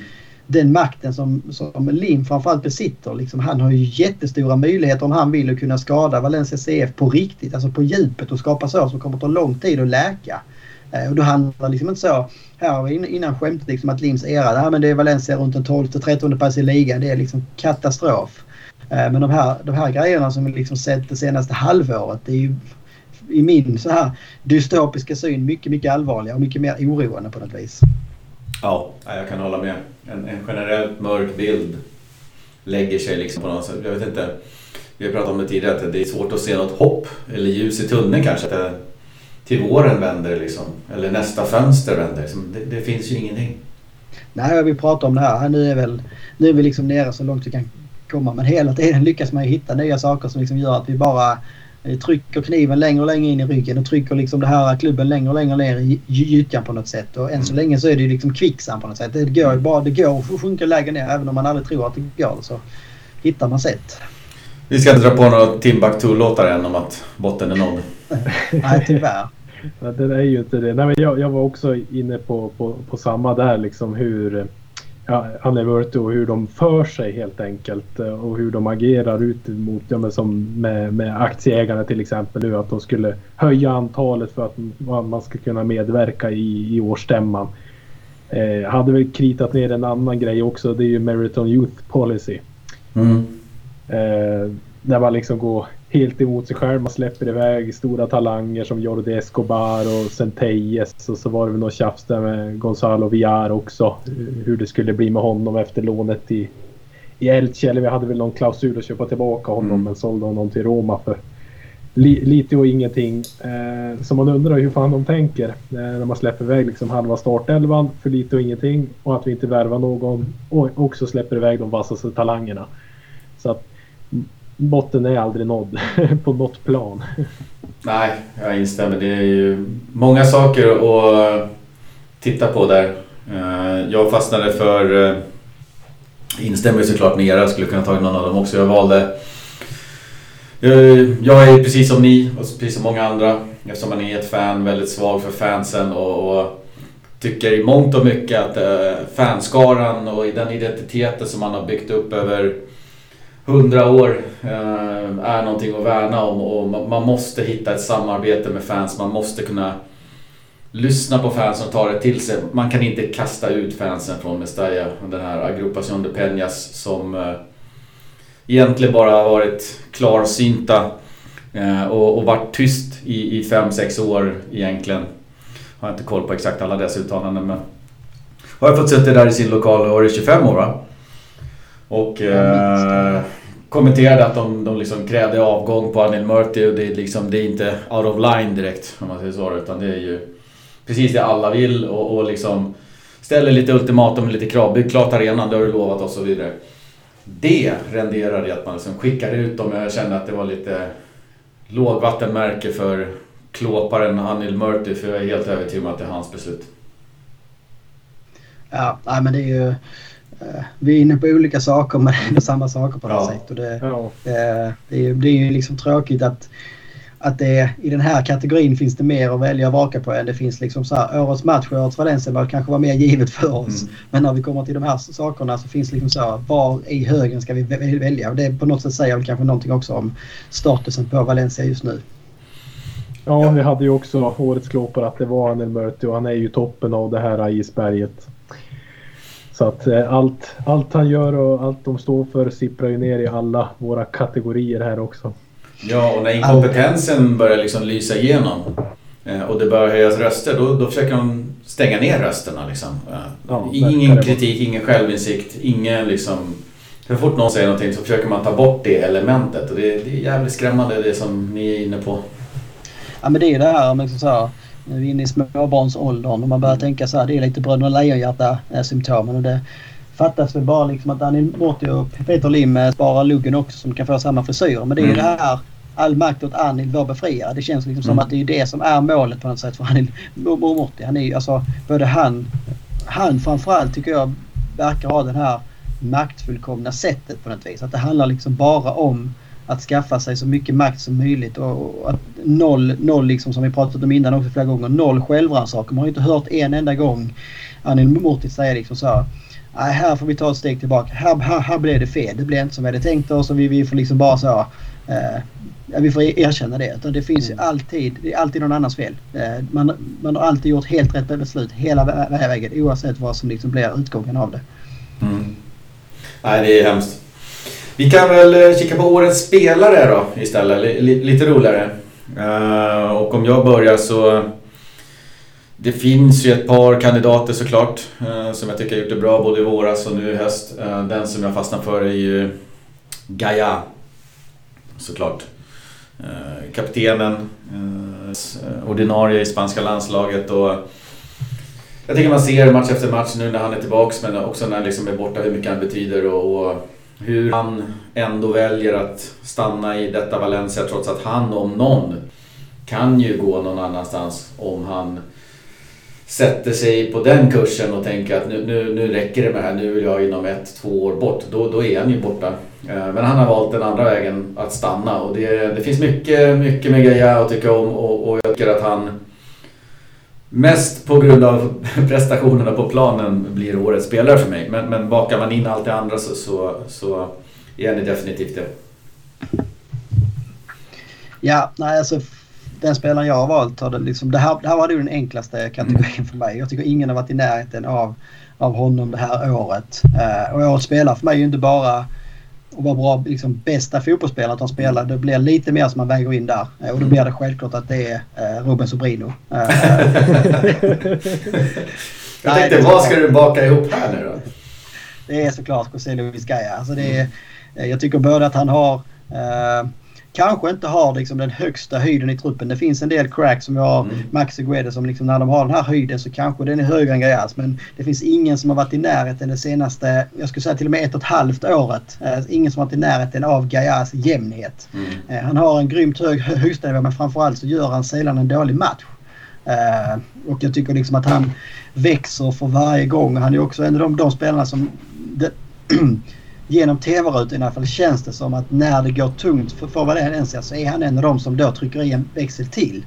Mm. Uh, jag tycker att han är den här informella ledaren. Det behöver inte vara den som skriker eller syns mest men han, han liksom så knyter näven, tar på sig blå blåstället de gångerna där det behövs som mest. Och det tycker jag för mig liksom också är viktiga kriterier för att liksom någon ska bli årets spelare i Valencia för min del. Det handlar inte bara om att göra mål eller liksom göra bra prestationer utan också visa att när det blåser så som snålast det är då det också ska vara den största förebilden på något vis. Jag tycker det finns en aura kring honom nu för tiden. Eh, de senaste ett och ett halvt åren eller två kanske när han har gått med i landslaget och blivit ordinarie. Att det finns, han har tagit liksom ytterligare ett steg i, vad ska man kalla det för ledarskapet eller liksom så.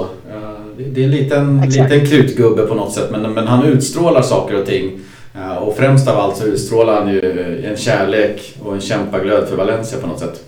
Ja, ja och jag tror säkert vi kan garantera att har det varit liksom bra klubbar som har hört sig för om hans intresse både i somras och försommar. Liksom. Alltså, det vore otroligt märkligt annars om ingen klubb liksom så har, har liksom velat kolla läget med honom för det växer liksom inte bra vänsterbackar i Gajas ålder på träd direkt. Mm. Så att, eh, han är ju också ganska så säker på att han liksom så medvetet är kvar i Valencia för att han vill vara, vara det. Eh, och det är också en jävla stora låg i de här tiderna. Liksom, att en sån bra spelare som kanske har sina bästa fotbollsår just nu några år framöver förhoppningsvis väljer att stanna kvar i det här kaoset som Valencia är.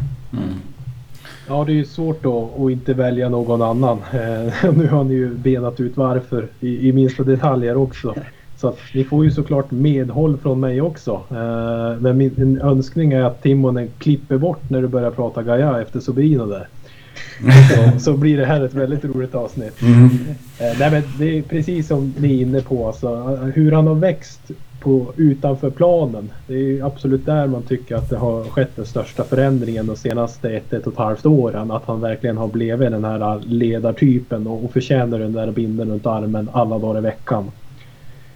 Eh, och jag håller med om det övriga. Jag hade dock en liten bubblare bara. Eh, jag har ju Gaia längst upp på listan och sen kanske andra, tredje, fjärde, femte. Där kanske kommer en till spelare.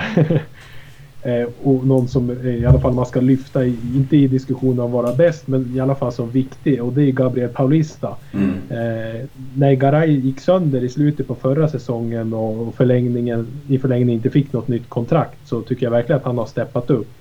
För tidigare såg man ju den här mittbacken som höll Garay i handen och då var han bra liksom. Men nu tycker jag det är Paulista som håller Diakaby och Mangala och Hugo Guillamon i handen och verkligen visar framfötterna och har utvecklats det senaste året och blev också en ledare i backlinjen. Så Paulista för mig är väl lagets näst viktigaste spelare idag skulle jag säga. Ja, men det kan man ju skriva under på att det, det är en, eh, en viktig spelare som, som inte viker ner sig och, och har klivit upp Ja, han lägger ju inga fingrar emellan så att säga. Utan jag tycker verkligen att han gör helhjärtade insatser. Nu.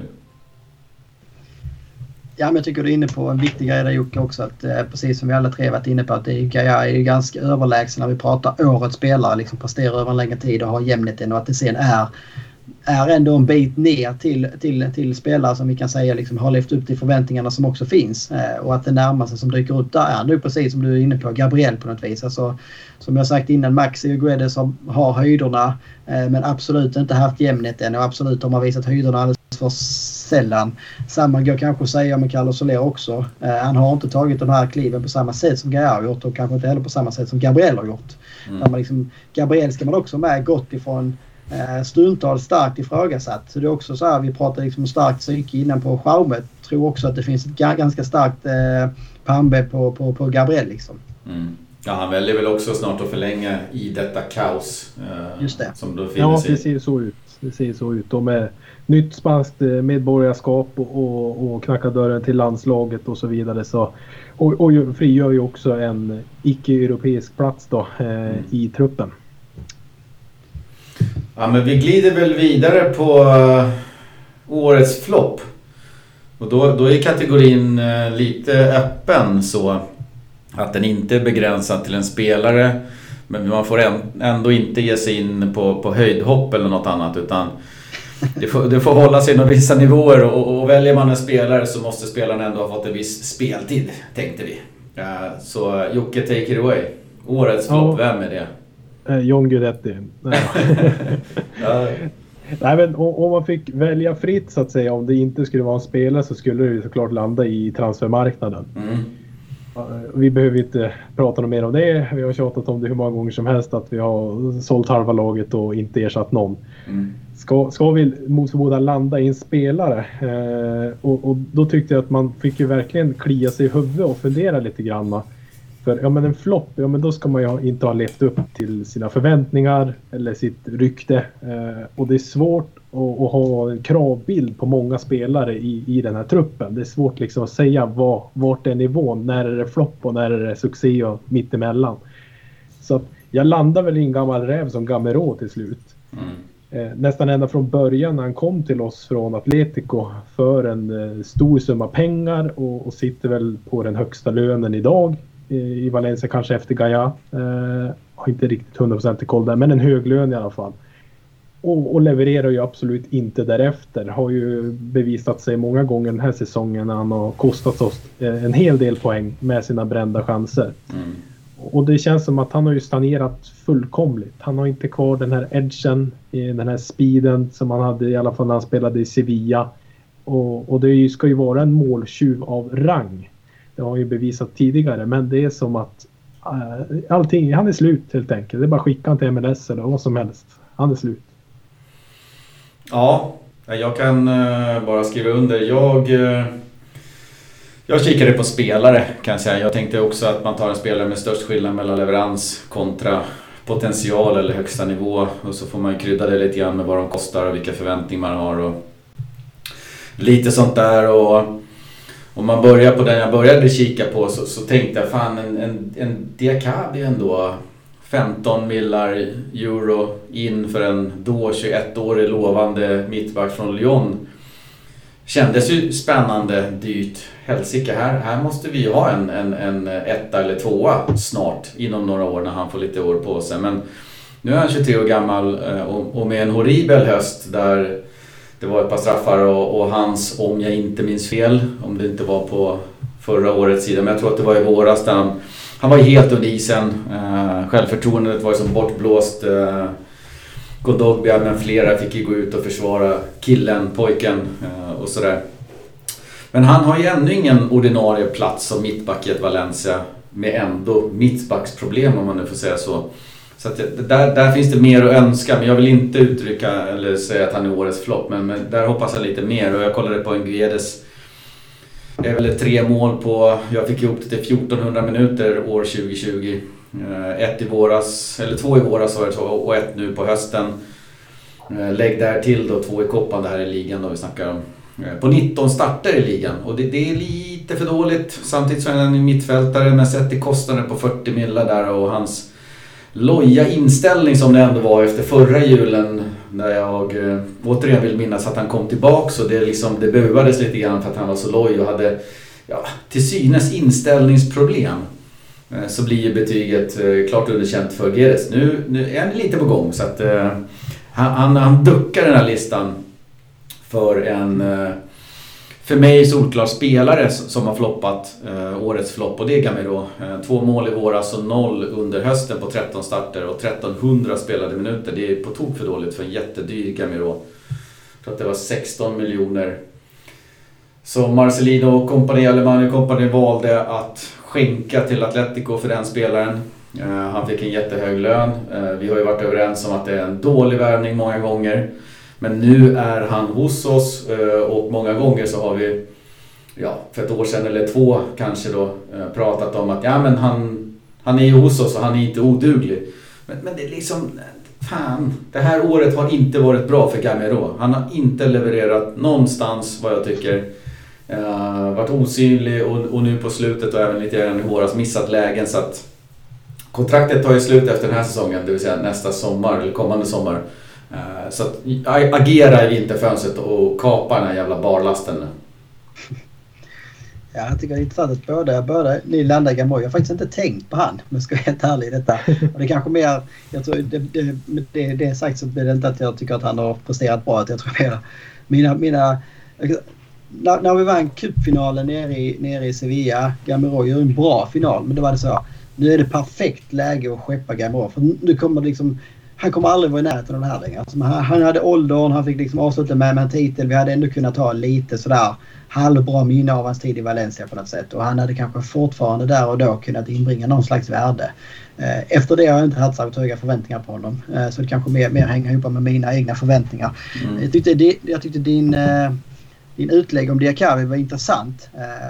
Och jag kan hålla med om det. Kollar man liksom på pengarna så hade man förväntat sig mer av Diakabi. Mm. Där tycker jag också det kan vara värt att slänga in en spelare som Thierry Korea. Mm. Kostar ändå 12 miljoner euro. Har ju inte varit ordinarie överhuvudtaget. En gången han har fått starta har ju varit när det är någon skada eller man ska rotera och sådär. Och det kan man väl också säga. Ja, men den, den transfersumman så är han ju inte värvad som en tredje fjärdehandsspelare. Dessutom petad av en Daniel Wass. Alltså, vi säger William Wass, vi, vi tycker om honom och allt han gör där. Men det kan ju inte vara tanken liksom, att du varvar in Correa för 12 miljoner euro. Men sen är det liksom en, en, eh, en vass från Danmark som ska spela ändå som inte är högerbacken. Så där, mm. Eh, det är väl också en sådär bubblare kanske. Uh, Guedes är såklart det självklara egentligen alltid på den typen av listor framförallt de, de, de senaste åren. Uh, jag började ju egentligen inte alls tänka spelare. När jag bara, bara fick upp flopp så blev det ju 2020 eh, största floppar för mig är ändå Atalanta i Champions League. Ja. Eh, som också blev lite grann av Solades stora förfall och där jag också tyckte att hans, hans liksom tränarsvagheter riktigt, riktigt blottades. Eh, vi fick 4-1 eh, nere i Italien man kan säga att det, var, det var kanske underkant. Samtidigt så kollar man på highlights där så har vi ju två, tre jättelägen. Så att det, hade vi utnyttjat dem så kanske ändå läget kunde varit annorlunda. Men vi förlorar trots allt med 8-4 totalt i en kvartsfinal. Där vi liksom inför kvartsfinalen ansågs ha en bra chans. Vi hade fått en bra lott. Och framförallt var det liksom försvarsinsatsen över de här två matcherna som är något av det absolut värsta jag sett Valencia göra. Nu är det mot ett förvisso då hyfsat starkt eh, offensivt Atalanta. Men Diakabi och Mangalas liksom mittbacksinsatser i de här två matcherna är ju... Ja, alltså slår du upp flopp liksom i, i ett lexikon så borde det vara ett ansikte på de två därifrån. Mm. Eh, och kanske framförallt Diakabis insats hemma på, på, på, på Mestalla med straffar och eh, det, det är väl två straffar nästan han drar på sig och något självmål och sådär. Så att den, Eh, för mig var den stora floppen 2020. Skulle jag landa i en spelare så hade jag nog sagt ett annat namn som vi inte haft uppe och det är nog Sillesen. Mm. Eh, stora förväntningar liksom på att han skulle eh, axla åtminstone eh, samma liksom, eh, rock och eh, storlek på skorna som Neto hade. Han har inte alls levt upp till det. Också liksom en stor prispeng och en stor lön. Eh, men har ju precis som du var inne på innan Jocke konkurrerats ut av Xiaomi till och med liksom när båda har varit friska så har det känts som 50-50 och det var inte riktigt tanken där heller. Ja, verkligen. Där har du ju en eh, Också en flopp som, som självklart ska bollas upp som en kandidat med, med Sillisen. Eh, nu kanske inte sista kapitlet eller sista sagan med honom är skriven men floppen handlar om 2020 och det har inte varit tillräckligt bra från han. Eh, kul att du nämner Atalanta-matchen. Jag kommer ihåg när vi pratade om det i podden och, och ja, i våra lilla chatt här och så, så med tanke på de andra kulorna som låg i bonbon där så, så det var ju den kallaste kulan eller varmaste kulan. Det var den bästa kulan. Det var såhär, ja men yes, nu har vi liksom, nu har vi chansen. Inte för att förringa Atalanta, för de gick ju fortfarande, eller hade ju börjat gå bra i ligan och man liksom, nej men, eller börjat gå bra, de gick bra i ligan och man tänkte att, nej men, de är lite for real. Men ja. jämfört med Bayern München och alla de andra liksom som kunde få så var det att, ja men nu, nu ska vi kunna nå en kvart här. Men, men det var ju, det var ju nattsvart hela vägen. Ja, och man såg ju också liksom hela trädet. Att, mm. Och det, det, det visar att alla vänta sen. Man tog väl sig hela vägen till semifinal tror jag. Eh, att det fanns ju liksom en jäk, alltså, så här bra möjlighet att kunna gå riktigt långt i Champions League för att Valencia var ju jättemånga år sedan vi hade. Mm. Liksom. När, när, vi väl har tagit oss vidare från gruppen innan så har det ju ofta varit så. Nej men då är det en av titlet. Man har direkt i åttondelen och så är det tack och hej liksom. Och det är inte inget att säga om det. Men nu var det liksom så. Atalanta och sen så var det PSG. De hade omgången efter där tror jag, kvartsfinalen. Mm. Så man fick PSG som inte heller liksom där och då var det, det, det PSG som vi sett innan och kanske framförallt då med tomma läktare eh, och liksom en cupmatch så hade väl man slut kunnat skrälla där. Så att, nej, det var... Jag har för mig utan Neymar också. Jag vill minnas att han är skadad med. Jag chansar. Ja men det är han ju alltid när det var slutspel. Ja, men det kändes också som att vi, vi fick väl lite stämpeln att vi var ett kupplag där också. Mm. Eh, kändes ju väldigt spännande om man du hade kunnat vunnit mot Atalanta och, och gå ganska långt. Eh, tänkte på det du är inne på, på Niklas där också när man plockar in Correira. Man ska ju tillägga där också att när äntligen Piccini blir skadefri då skeppar man honom på ett lån till, till Atalanta och så plockar man in den här gubben istället. Eh, för vad som kan tyckas ett väldigt överpris med tanke ja. på hur lite Correira hade spelat också. Eh, var det i Benfica va? Som mm. han kommer ifrån. Eh, så, och så, som du är inne på det med mittbackslåset, då får man ju ont i magen bara man tänker tillbaka på det med Diakabi och Mangala mot Atalanta. Ja, jag såg, jag var tvungen att gå igenom highlights idag igen för att verkligen se men hur, hur såg det egentligen ut liksom. Och, usch alltså, ja det, ja. ja det var verkligen... Eh, alltså det har väl funnits tillfällen när man liksom skäms som Valencia-supporter och sådär men där var det verkligen så att nej, det här det är inte värdigt liksom. Alltså, åka ur Champions League. Liksom, vi tog oss till slutspel. Det var länge sedan vi gjorde det.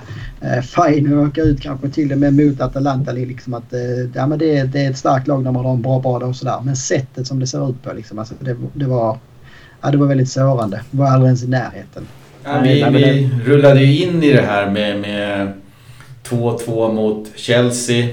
Gav oss själva chansen på den då vad det kändes omöjliga bortamatchen, eller svåra bortamatchen i alla fall, mot Ajax. Och kniper en seger där. Och, och det är ju med Champions League-vind i seglen vi drar lotten Atalanta. Så jag, jag kommer ihåg förväntningarna, de, de var ju höga. För då hade vi ju levererat och visat att fan, här, här har vi ju chansen nu. Men det, ja. det, rullgardinen den bara small ner direkt med, med 1-4. Och sen, det var ju bara smärtsamt att se hur det läckte in bollar sen på, på hemmamatchen.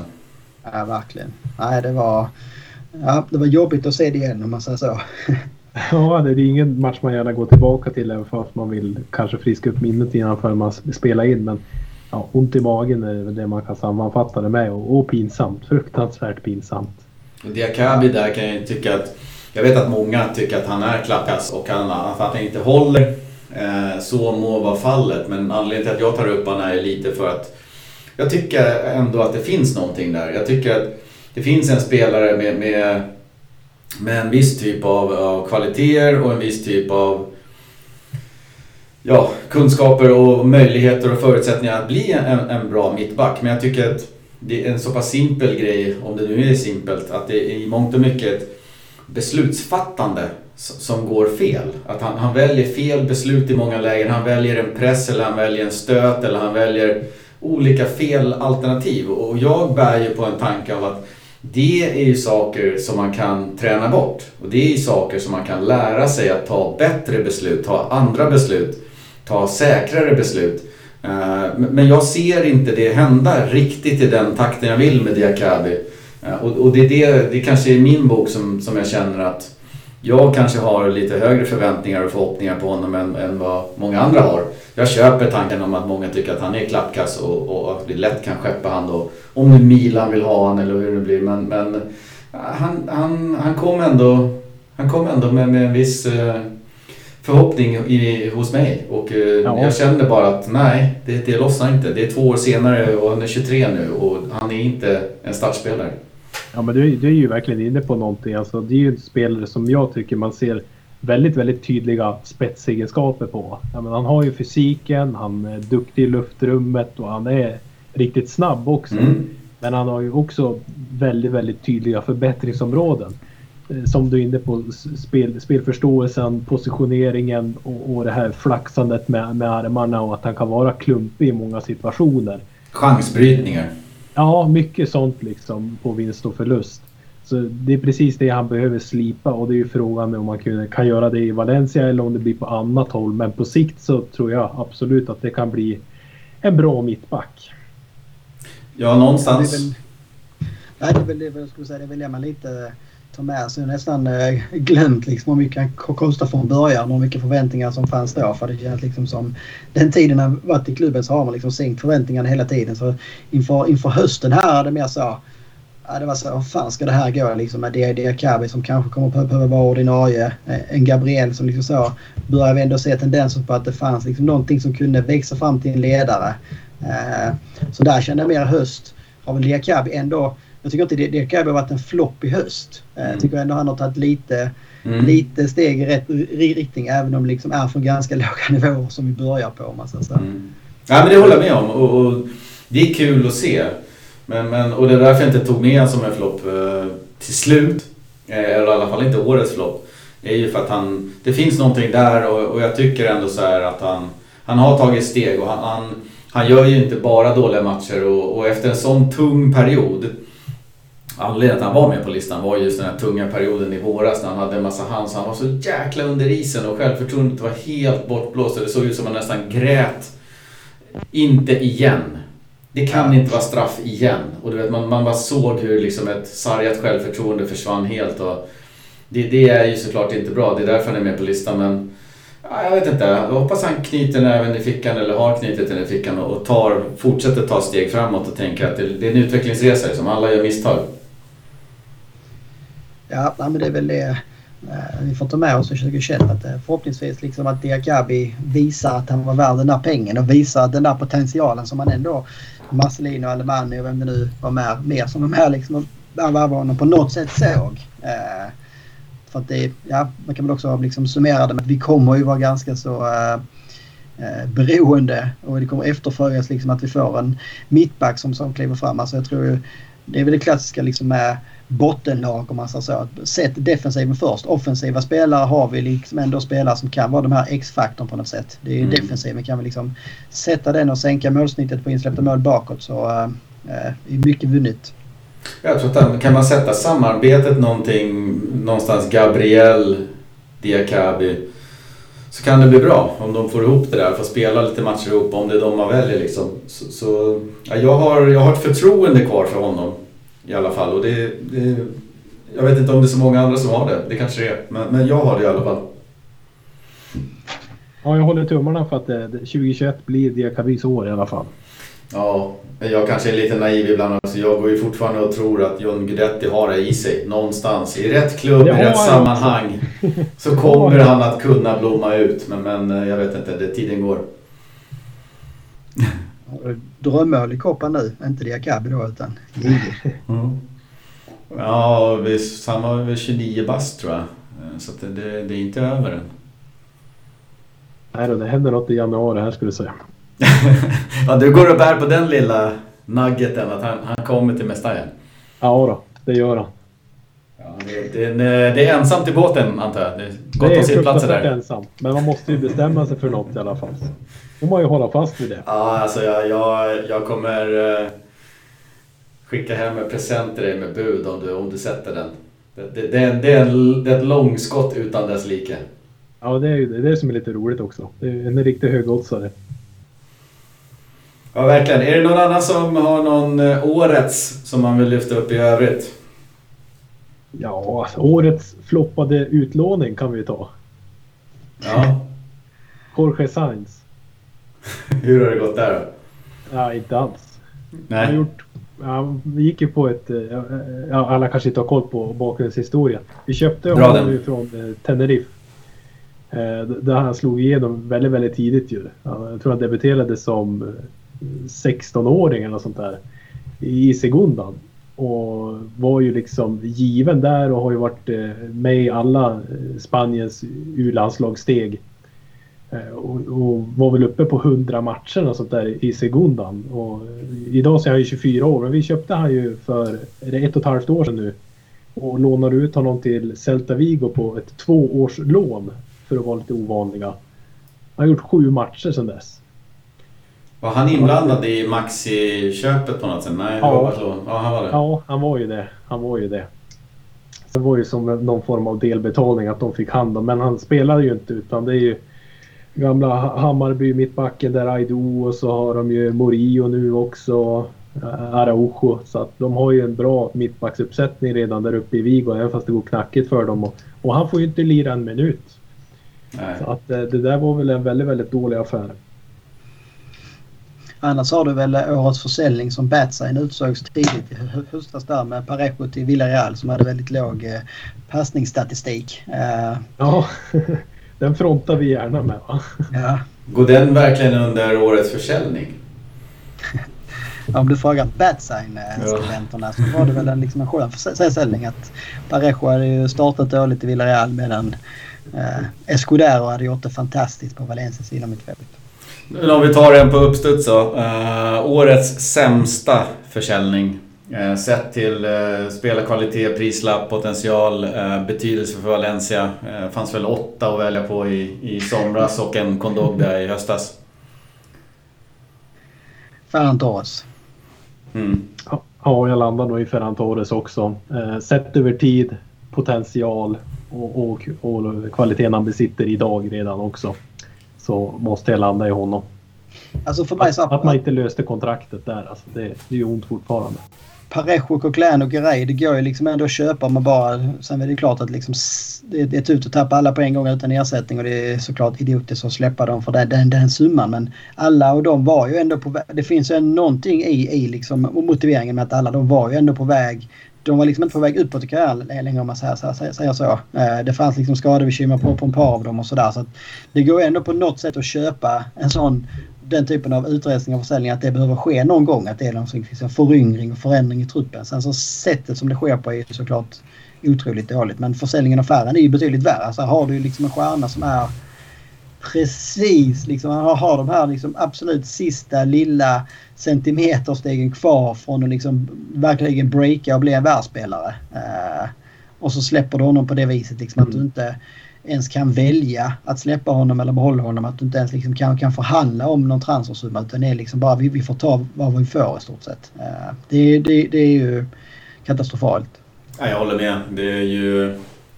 Det var ju en spansk landslagsman när vi släppte honom, om än inte ordinarie, men, men hade ju plockats upp lite oväntat när han väl plockades upp, eh, vill jag minnas, under våren. Det var inte helt självklart. Vi hoppades ju att han skulle vara med i några trupper och ha en chans på, på EM. Men, men kom ju med där och eh, är ju nu bofast där och gör en del baljer. Eh, spelar i ett Manchester City som ju får anses vara ett, ett, ett par hack kanske bättre än Valencia.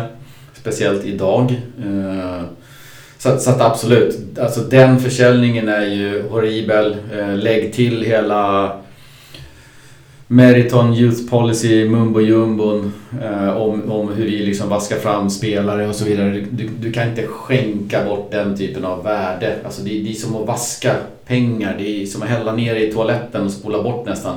Nog för att vi fick, vad det nu var, 23, 25, 26 beroende på olika klausuler. Men, men det är ju inte ens i närheten av vad den typen av spelare är värd. Eh, och, och vad han idag Eh, Eh, om, om, eh, om Manchester City visste idag vad han har levererat i klubben så hade de ju betalat minst det dubbla för honom. Eh, ja, coronatider, ja, lite tuffare och så vidare. Men, men ändå. Alltså, det är en fullständigt horribel spelarförsäljning. Så, så det, det, det, den, den är svår att komma ifrån, lite som Gaia på det spelare. Men jag tycker ändå en sån som Parejo med det ovärdiga avskedet, eh, pinsamma avskedet när man skänker bort en lagkapten. Ändå på något sätt galjonsfigur. Visst, det har spottats på honom genom tiderna men, men, men han har lyft bucklan och Copa bucklan och, och, och vart den han var. Att man, att man ger honom till en lokal konkurrent och bara pissar på hela hans legacy på det sättet man gjorde. Det är också ett, ett annat bottennapp men, men kanske två då. Ja, det är väl årets fulaste exit i alla fall. Ja. Just med Ferran det är väl liksom också när det är en... Men det, är, det är liksom en Valencia-son. Du liksom har mm. alla de här bilderna på när han är femåring i Valencia-tröjan. Han har spelat med alla de här olika spelarna hela vägen upp. Eh, och liksom, sen så sa att han skulle spela i Valencia för alltid och att vi skulle få se honom. Nej, Valencia är kanske inte där just nu. Eh, men då måste väl liksom kunna bli ett annat typ av avsked och en annan typ av transfersumma på något sätt. För att det, ja, jag vet inte, det... Ja, det är så liksom, ja. Man kan ju liksom lämna och erövra världen när han är 24-25 år gammal också. Han behöver ju inte göra det i det här året liksom som många gånger nu. De hade gärna velat sett han, ja, men, som ni var inne på, breaka på riktigt i, i Valencia och, och, bli den här fina spelaren som han kommer att bli. Ja, kollar man på... Mm. Ja, kör. övergångssummorna i Premier League. Liksom, vad, vad, vad Premier League-klubbar betalar för liksom så här halvtaskiga engelska träben från, eh, från Championship. Så liksom så 30 miljoner från mittback som liksom kan bli någonting kanske. Eh, det är liksom inga pengar i Premier League. Eh, och sen så ja, får vi då liksom kaffepengar för Ferran Torres med de, de kvaliteterna och den potentialen som han har. Det är liksom skrattretande på något sätt. Vi har ju ofta pratat om det att nej, men det är skitbra. Premier League-klubbar är intresserade för att där vet man att det finns alltid ofta en premie på 15-20% på priset som vi ska kunna dra in om vi säljer dit istället för att vi säljer till Italien eller till, till liksom Spanien eller Frankrike. Uh, här blir det ju precis tvärtom. Det är ju liksom en rabatt och det är väl ett genomgående schema för hela, hela sommaren. Ja, den kanske vi inte in på. Den extra premien. Uh, kolla bara om du, du jämför. Liksom, nu, nu spelar ju för sig Maguire för, för, för United men en miljard för den och, och mm. en fjärdedel för, för Torres som är betydligt yngre. Ja, nej det, det finns liksom inget i den. Uh, det är liksom bara att gratulera Manchester City för det känns liksom som hur, stort sett hur det än skulle gå så kommer det liksom vara en, vara en supervarvning eh, rent ekonomiskt på något sätt. Alltså de kommer aldrig ha några problem att dubbla de pengarna. Skulle de sälja idag så skulle de ju lätt få det dubbla utan problem. Simeone lär ju sitta och undra i, borta i Atletico. Men varför fan kunde de inte släppa Rodrigo till oss? När de släpper han till, till Leeds för 25. Ja. De skulle ha liksom 50-60 för Rodrigo. Och de ville ja, väl lägga 40 kanske och, och ja. någon halvdassig mellanlirare där. Men så tackar vi nej till den. Och så, det är ju inte heller världens bästa affär. Men jag känner ändå i, i det läget så, så han har ju i, i en helt annan ålder. Eh, närmare 30 liksom och allt det där. Eh, och får en eh, okej okay, kanske att ta i, men visst en okej okay peng. Men, men den är inte samma nivå än som Ferran Torres. Nej. Nej, Nej men de, de, andra, de andra transfer som, alltså de andra transferna som försvinner Alltså det, det, det, det, är klart det är alltid trist men när det är mer så, ja, spelare kommer lite grann och går. Det är mer sättet där som liksom gör runt och som man liksom stör sig på på något sätt. Att man inte kan få ett värdigare avsked, att man inte kan, kan ta betalt ordentligt. Men försäljningen av Ferran Torres gör runt på flera nivåer, för, för, för mig i alla fall. Ja, du som är ekonomikunnig kanske kan slå mig på fingrarna här om jag använder fel terminologi. Men det känns som att Anil Murti och de fullständigt snöade in på driftskostnaden att vi måste bli av med höga löner. Då kollar man på de spelare som hade högst löner. De här ska vi göra av med. Men du glömmer ju att intäkten för de spelarna, värdet för de spelarna, eh, det är ju inte ens i närheten av vad vi ska ha för de spelarna. Jag tror att var det inte Coquelin, Parejo, var, var, liksom, var det 5 till 8 miljoner euro? Värdet är väl 20 åtminstone för de två. Eh, Ferran är väl uppe på åtminstone liksom 60. Eh, kanske coronatider och, vi får ja, någonstans mellan 25 och 30. Eh, så, så det är horribla försäljningar, det är dumpningar av värde, av, av tillgångar man har i truppen för att komma till, till bukt med driftskostnaden som ändå är en ganska liten del och gör du en av de här försäljningarna korrekt, det vill säga Ferran Torres till City för 60-65 ja då har du ju löst alla andra problemen. Ja, ja nej, men det var väl alltså. Det känns också som att man var lite för... Eh, alltså man blottar ju sig för mycket, mycket också. För det känns som liksom, det var ju, det var ju som en öppen bok. Alla, vi, vi visste ju att det är exakt de här spelarna som Valencia vill göra sig av med. Ja men det tror väl fan att ingen då kommer liksom att lägga marknadsmässiga bud. Alla förstod ju att Valencia har bestämt sig för att skeppa Parejo, Coquelin, Rodrigo och så vidare den här sommaren. Liksom det, det visste alla. Och, och, och det, Valencia liksom agerade som om det var panik. Eller Valencia agerade som om liksom det brann. Kanske det gjorde det. Det liksom, kommer vi aldrig få reda på kanske. Det kanske var liksom någon jävla... Eh, det, var ju, det, var ju, det var ju stora problem i början av sommaren där. Där Lim fick själv gå in och lägga in ett nytt lån och allt som har kommit fram nu när böckerna börjar öppnas upp. Eh, och det, så det är mer så, fan kunde man hamna i en sån sits där man tvingas liksom göra den här typen av försäljningar i ren panik. För det, det, är, liksom, det, är, det är den enda rimliga förklaringen. Det var ju liksom att, att man agerade i panik, att man behövde cash snabbt. För, för precis som du är inne på, i det här långsiktiga tänket så borde det ju vara bättre att få liksom marknadsmässiga priser för två, tre av spelarna kanske. Kunna behålla de andra eller i alla fall så kunna förhandla Eh, inte vara liksom så här beroende av att tvingas sälja dem. Nej, men får vi inte det här, nej, men då, då stannar Coquelin. Får vi inte det här så stannar eh, spelar X. Eh, men man satte ju sig själva i en skitig sits för att man liksom... Ja, det var liksom som att spela poker med öppen hand nästan.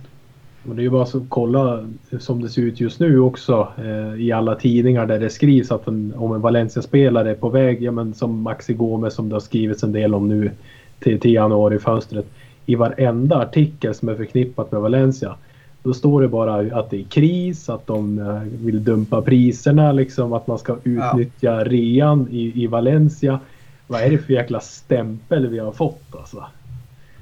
Ja men det är lite så. Det är som att parkera en jävla snattarbuss utanför Statoil och så har du ingen i kassan. Det är bara att springa in och ta vad du har. Det är det som pågår i Valencia. Ja men det är så vi skyltar ut det också liksom till allmänheten. Mm. Fruktansvärt pinsamt. Black Friday året om. Ja. Ja, det, det, jag håller med. Det, Ferran Torres är väl kronan i... Juvelen i kronan kanske man ska säga. Eller den, den är horribel. Ja. Ska vi vidare? Men jag fattar inte hur de inte kan tänka att hade man haft någon som kan förhandla, hade man haft till exempel Anil Murti tänkte jag säga, men uh, Alemani Eh, i, bakom spakarna och kunna hantera saker och ting och, och, haft ett projekt att tro på. Då hade man ju kunnat agera på ett helt annat sätt. Du hade kunnat sitta och förhandla och, och sitta och dra ut på det här. Nu var man så jäkla sugen bara på att bli av med kostnaderna. Och, och så glömmer man att fan, intäkten kan ju täcka en del av de här kostnaderna. Ja, nu tror du inne på något där. Alltså, när vi hade Alemani så visste, alltså till sist så visste också klubbarna runt omkring liksom att ja, men Valencia, det är inte ens lönt att gå in med ett skambud där för att det kommer liksom bara så att skrattas bort. Alltså då vi mm. hade en Alemani som liksom gjorde sig ett namn och var en tuff förhandlare. Att, men ska mm. du ha Valencia-spelare då är det utköpsklausulen eller kanske lite grann under om han har liksom en bra dag. Mm. Det är liksom inte lönt att komma med någon, någon, någonting annat till bordet. Men när han försvann så blev det liksom så. Ja, det, det försvann en spelare dit. Det blev så. Okej, okay, nu ska vi liksom nog zooma in på Valencia för där verkar man inte ha koll på läget. Där kan vi nog göra klipp liksom. Uh, och den, den stämpeln, det går betydligt liksom snabbare att få den stämpeln än att bygga upp det som Alemani gjorde. Mm. Uh, och det, liksom, det han hade byggt upp, det liksom stampar man på och spottar på. Och sen så var den, det liksom fina arbetet som, som de jobbat med, med i flera år som, som om det aldrig hade funnits över natt typ. Ja, det är tragiskt.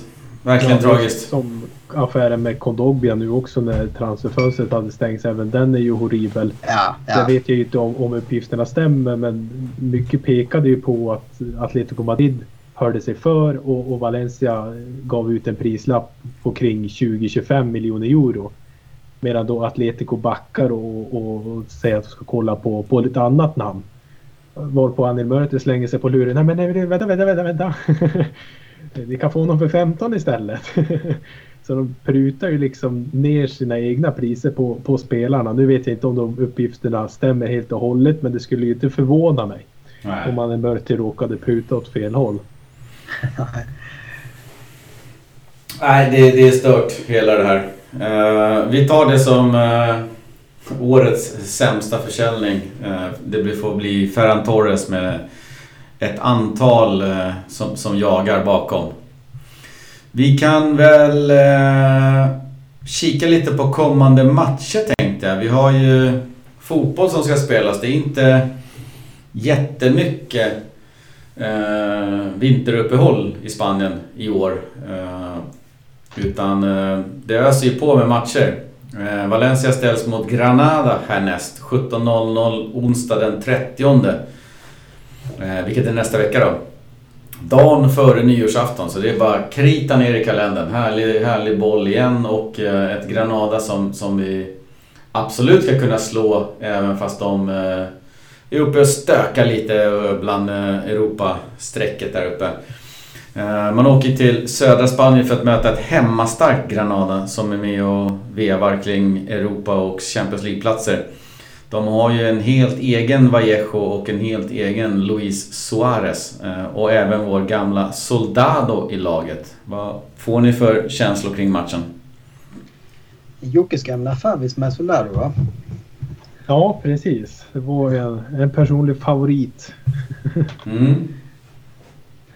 Nej, alltså, rent personligt så känns det lite så här. Eh, man har fortfarande nästan så här Sevilla på den här, den här tiden. Man har inte hunnit tänka så här långt. Det är mest eh, man liksom så spontant får upp så här. Kommer Gabriel kunna spela? Hur illa var det liksom att Gaia haltade ut idag? Eh, det är liksom så vad för lag kommer liksom eh, Garcia ens ha till förfogande kunna ställa på banan. Alltså allt det. Granada är ju ett lurigt lag, framförallt på hemmaplan som du är inne på. Mm. Eh, åker vi upp där liksom med både Gabriel och Gaia borta. Eh, är Rakis tillbaka eller inte tillbaka där liksom så. Det är tre ganska givna startspelare på något sätt. Utan dem så är det ju väldigt, väldigt tunt och då är det ju för mig så här. Valencia kan förlora mot vilket lag som helst i ligan eh, de dagarna man liksom inte kan, kan, kan, kan ställa upp med sitt starkaste lag. Uh, vi såg ju, det var väl i fjol i Koppan som, som Granada slog ut oss och vi såg väl, det var väl Soldado som dödade hoppet då. Uh, så att det här är, det här är en jättetuff match. Samtidigt så är ju Valencia i ett skriande behov av att liksom ta tre poängare. Vi har väl mm. en trepoängare på de elva senaste. Och liksom bottenstrecket kommer närmare och närmare. Eh, och Valencia måste börja vinna, om inte annat också för självförtroende tror jag. När man ändå, när man som Sevilla här, det är en lite så här hedersam förlust. Eh, kryss på Camp Nou, det, är liksom så här, men det, det, det, tar vi med oss även om det kunde blivit mer. Eh, vi hade liksom en, också en så här hedersam förlust mot Atletico men det räcker liksom inte att vara nära. Du måste börja få tre poäng. Och skitsamma då hur det ser ut kanske. Nu kanske man liksom får vända på, på det här. Att det viktigaste är nu poängen. Sen får vi liksom ta spelet snarare liksom i efterhand på något sätt. För vi, vi har inte råd med fler hedersamma poängförluster. Nej, i toppen är det ju så att man håller ofta tempot med de andra lagen med tre poängare och i botten så är det ju ofta så att man håller ju tempot med de andra med, med kryssen, eh, enpoängare. Eh, och nu är vi ju i botten. Eh, allting beror lite på hur de andra lagen går men, vi är indraget med, bara ett eller ett par poäng från, från nedflyttningsplats. Så, så, så det är ju av yttersta vikt med, med tre poängare och Valencia kommer till matchen nu efter en veckas vila eh, nu och framöver och, och, dessutom tre dagars julledighet som man eh, har, har gett spelarna i truppen. Eh, bra tycker jag. Det är ingen som missköter träningen för det så. Men, men, men jag tror att man behöver också koppla av skallen ibland och, och få i de här tuffa tiderna njuta lite av, av uh, julledigheten på något sätt med, med de allra, allra näraste och allra käraste. Uh, men Jocke, om du tänker på uh, dagens två frågetecken med Gaia och Gabriel som ändå känner lite att det bör inte vara någon fara men vi får se. Hur, hur tänker du kring, kring laget? Hur, hur många Segunda B-spelare kan vi plocka in och vad, vad har vi att ställa på fötterna mot ett Granada borta? Ja, till att börja med på, på Granada så det är ju ett oerhört spännande lag de har. Eh, och de lyckades ju också knyta åt sig två stycken av de här spelarna som Valencia var intresserade av i, i somras. Mm. Eh, nämnde Luis Suarez som du var inne på där, colombianen från Watford. Eh, men också Janchel Herrera då, som mm. är på lån från Manchester City och där ska det ju ha varit långgångna samtal.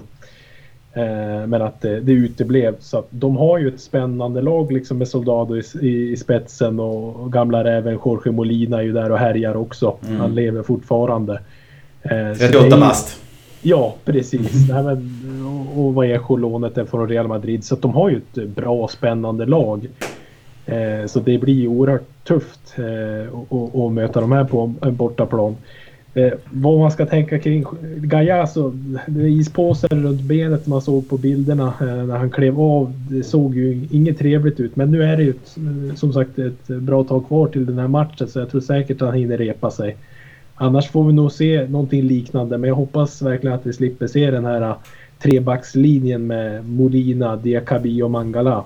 För då, då blir det skräck i mina ögon när Soldado ska tampas med de tre.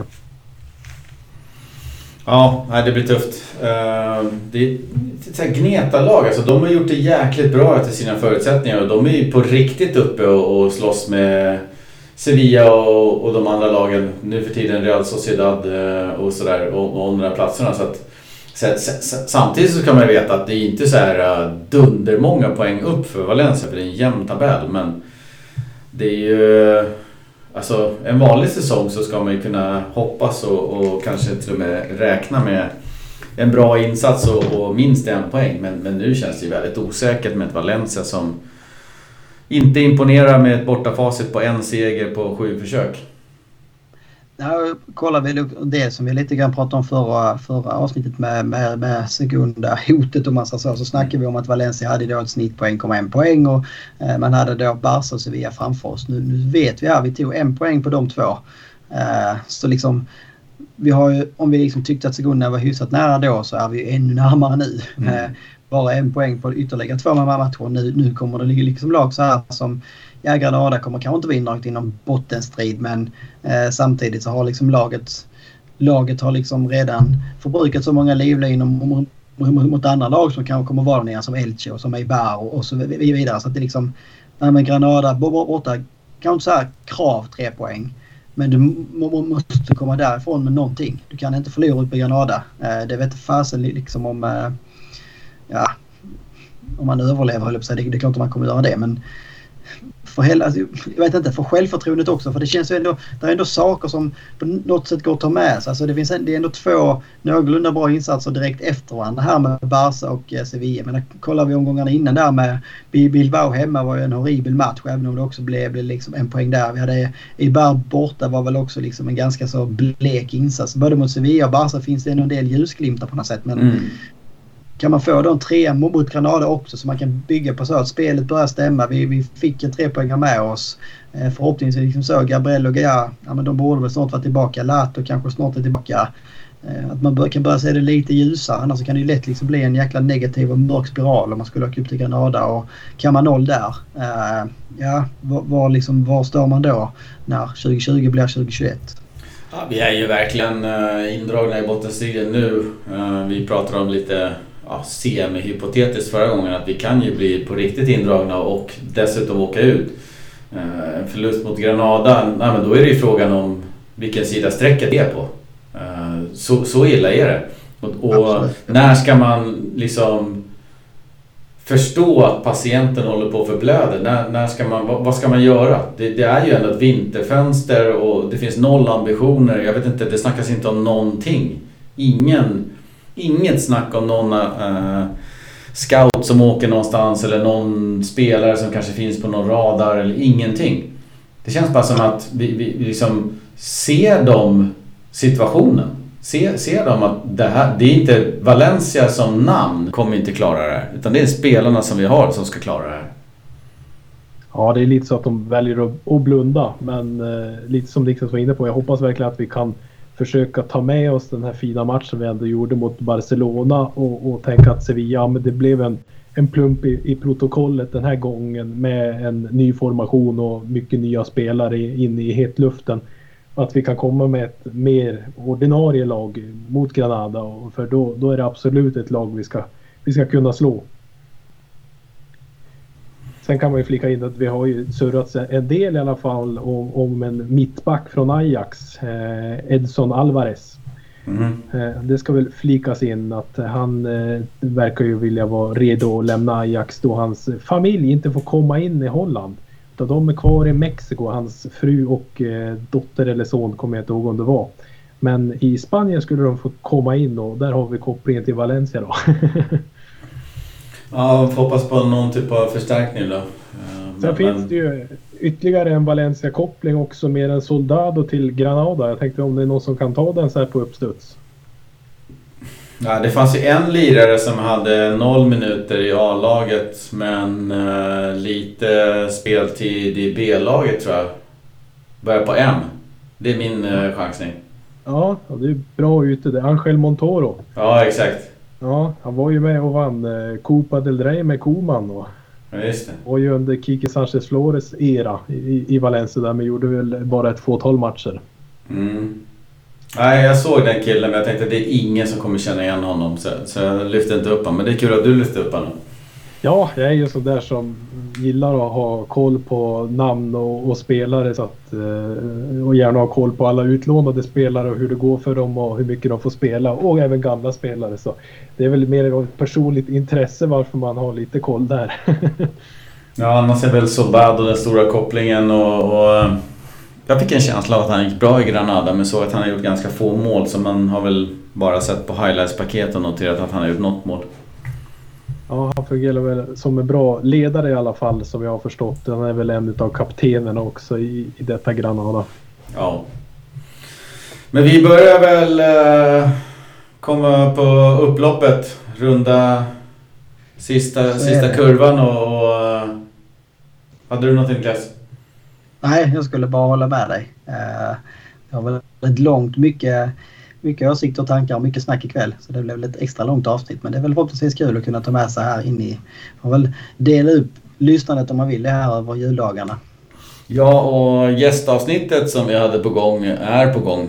Eh, men eh, något framflyttat så att eh, den, den blir riktigt härlig. Ja, vi hoppas väl kunna släppa det kanske mellan jul och nyår. Eller omkring nyår i alla fall. Det är väl förhoppningen i alla fall.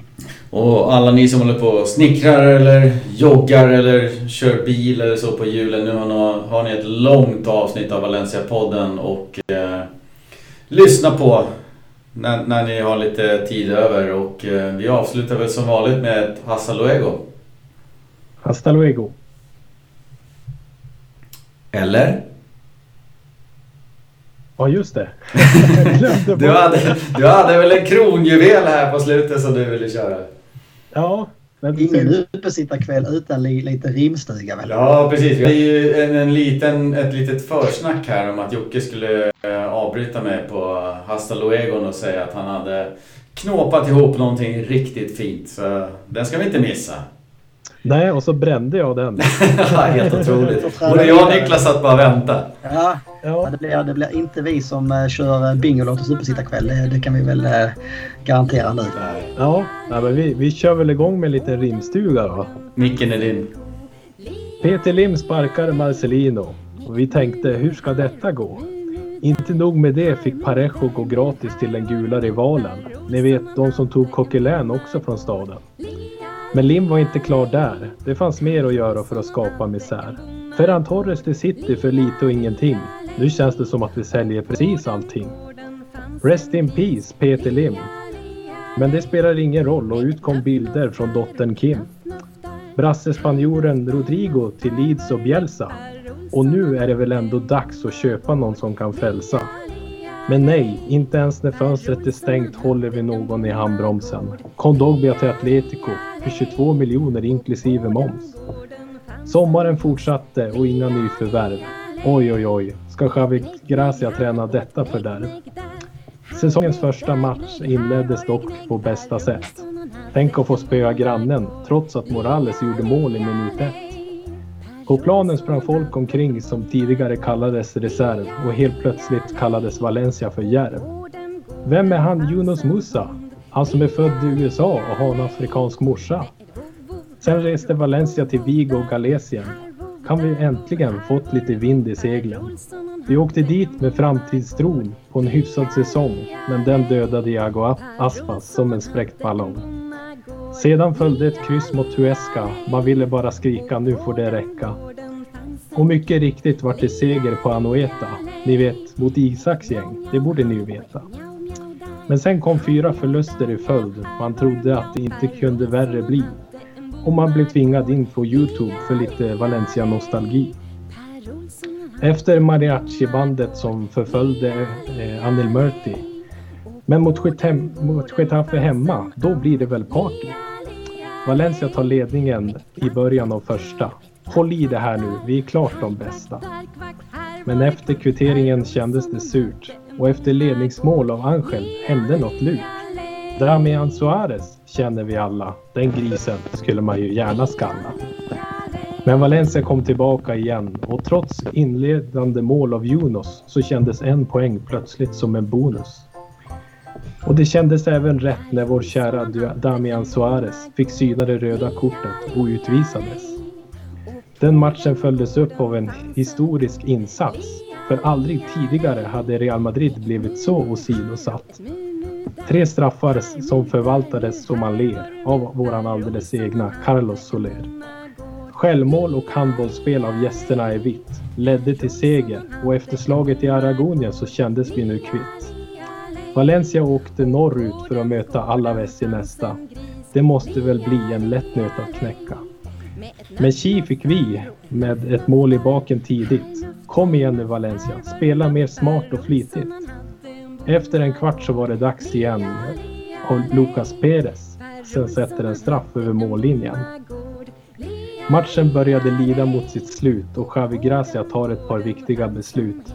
Ut med sydkoreansk taekwondo och in med andalusisk Manu Vallejo.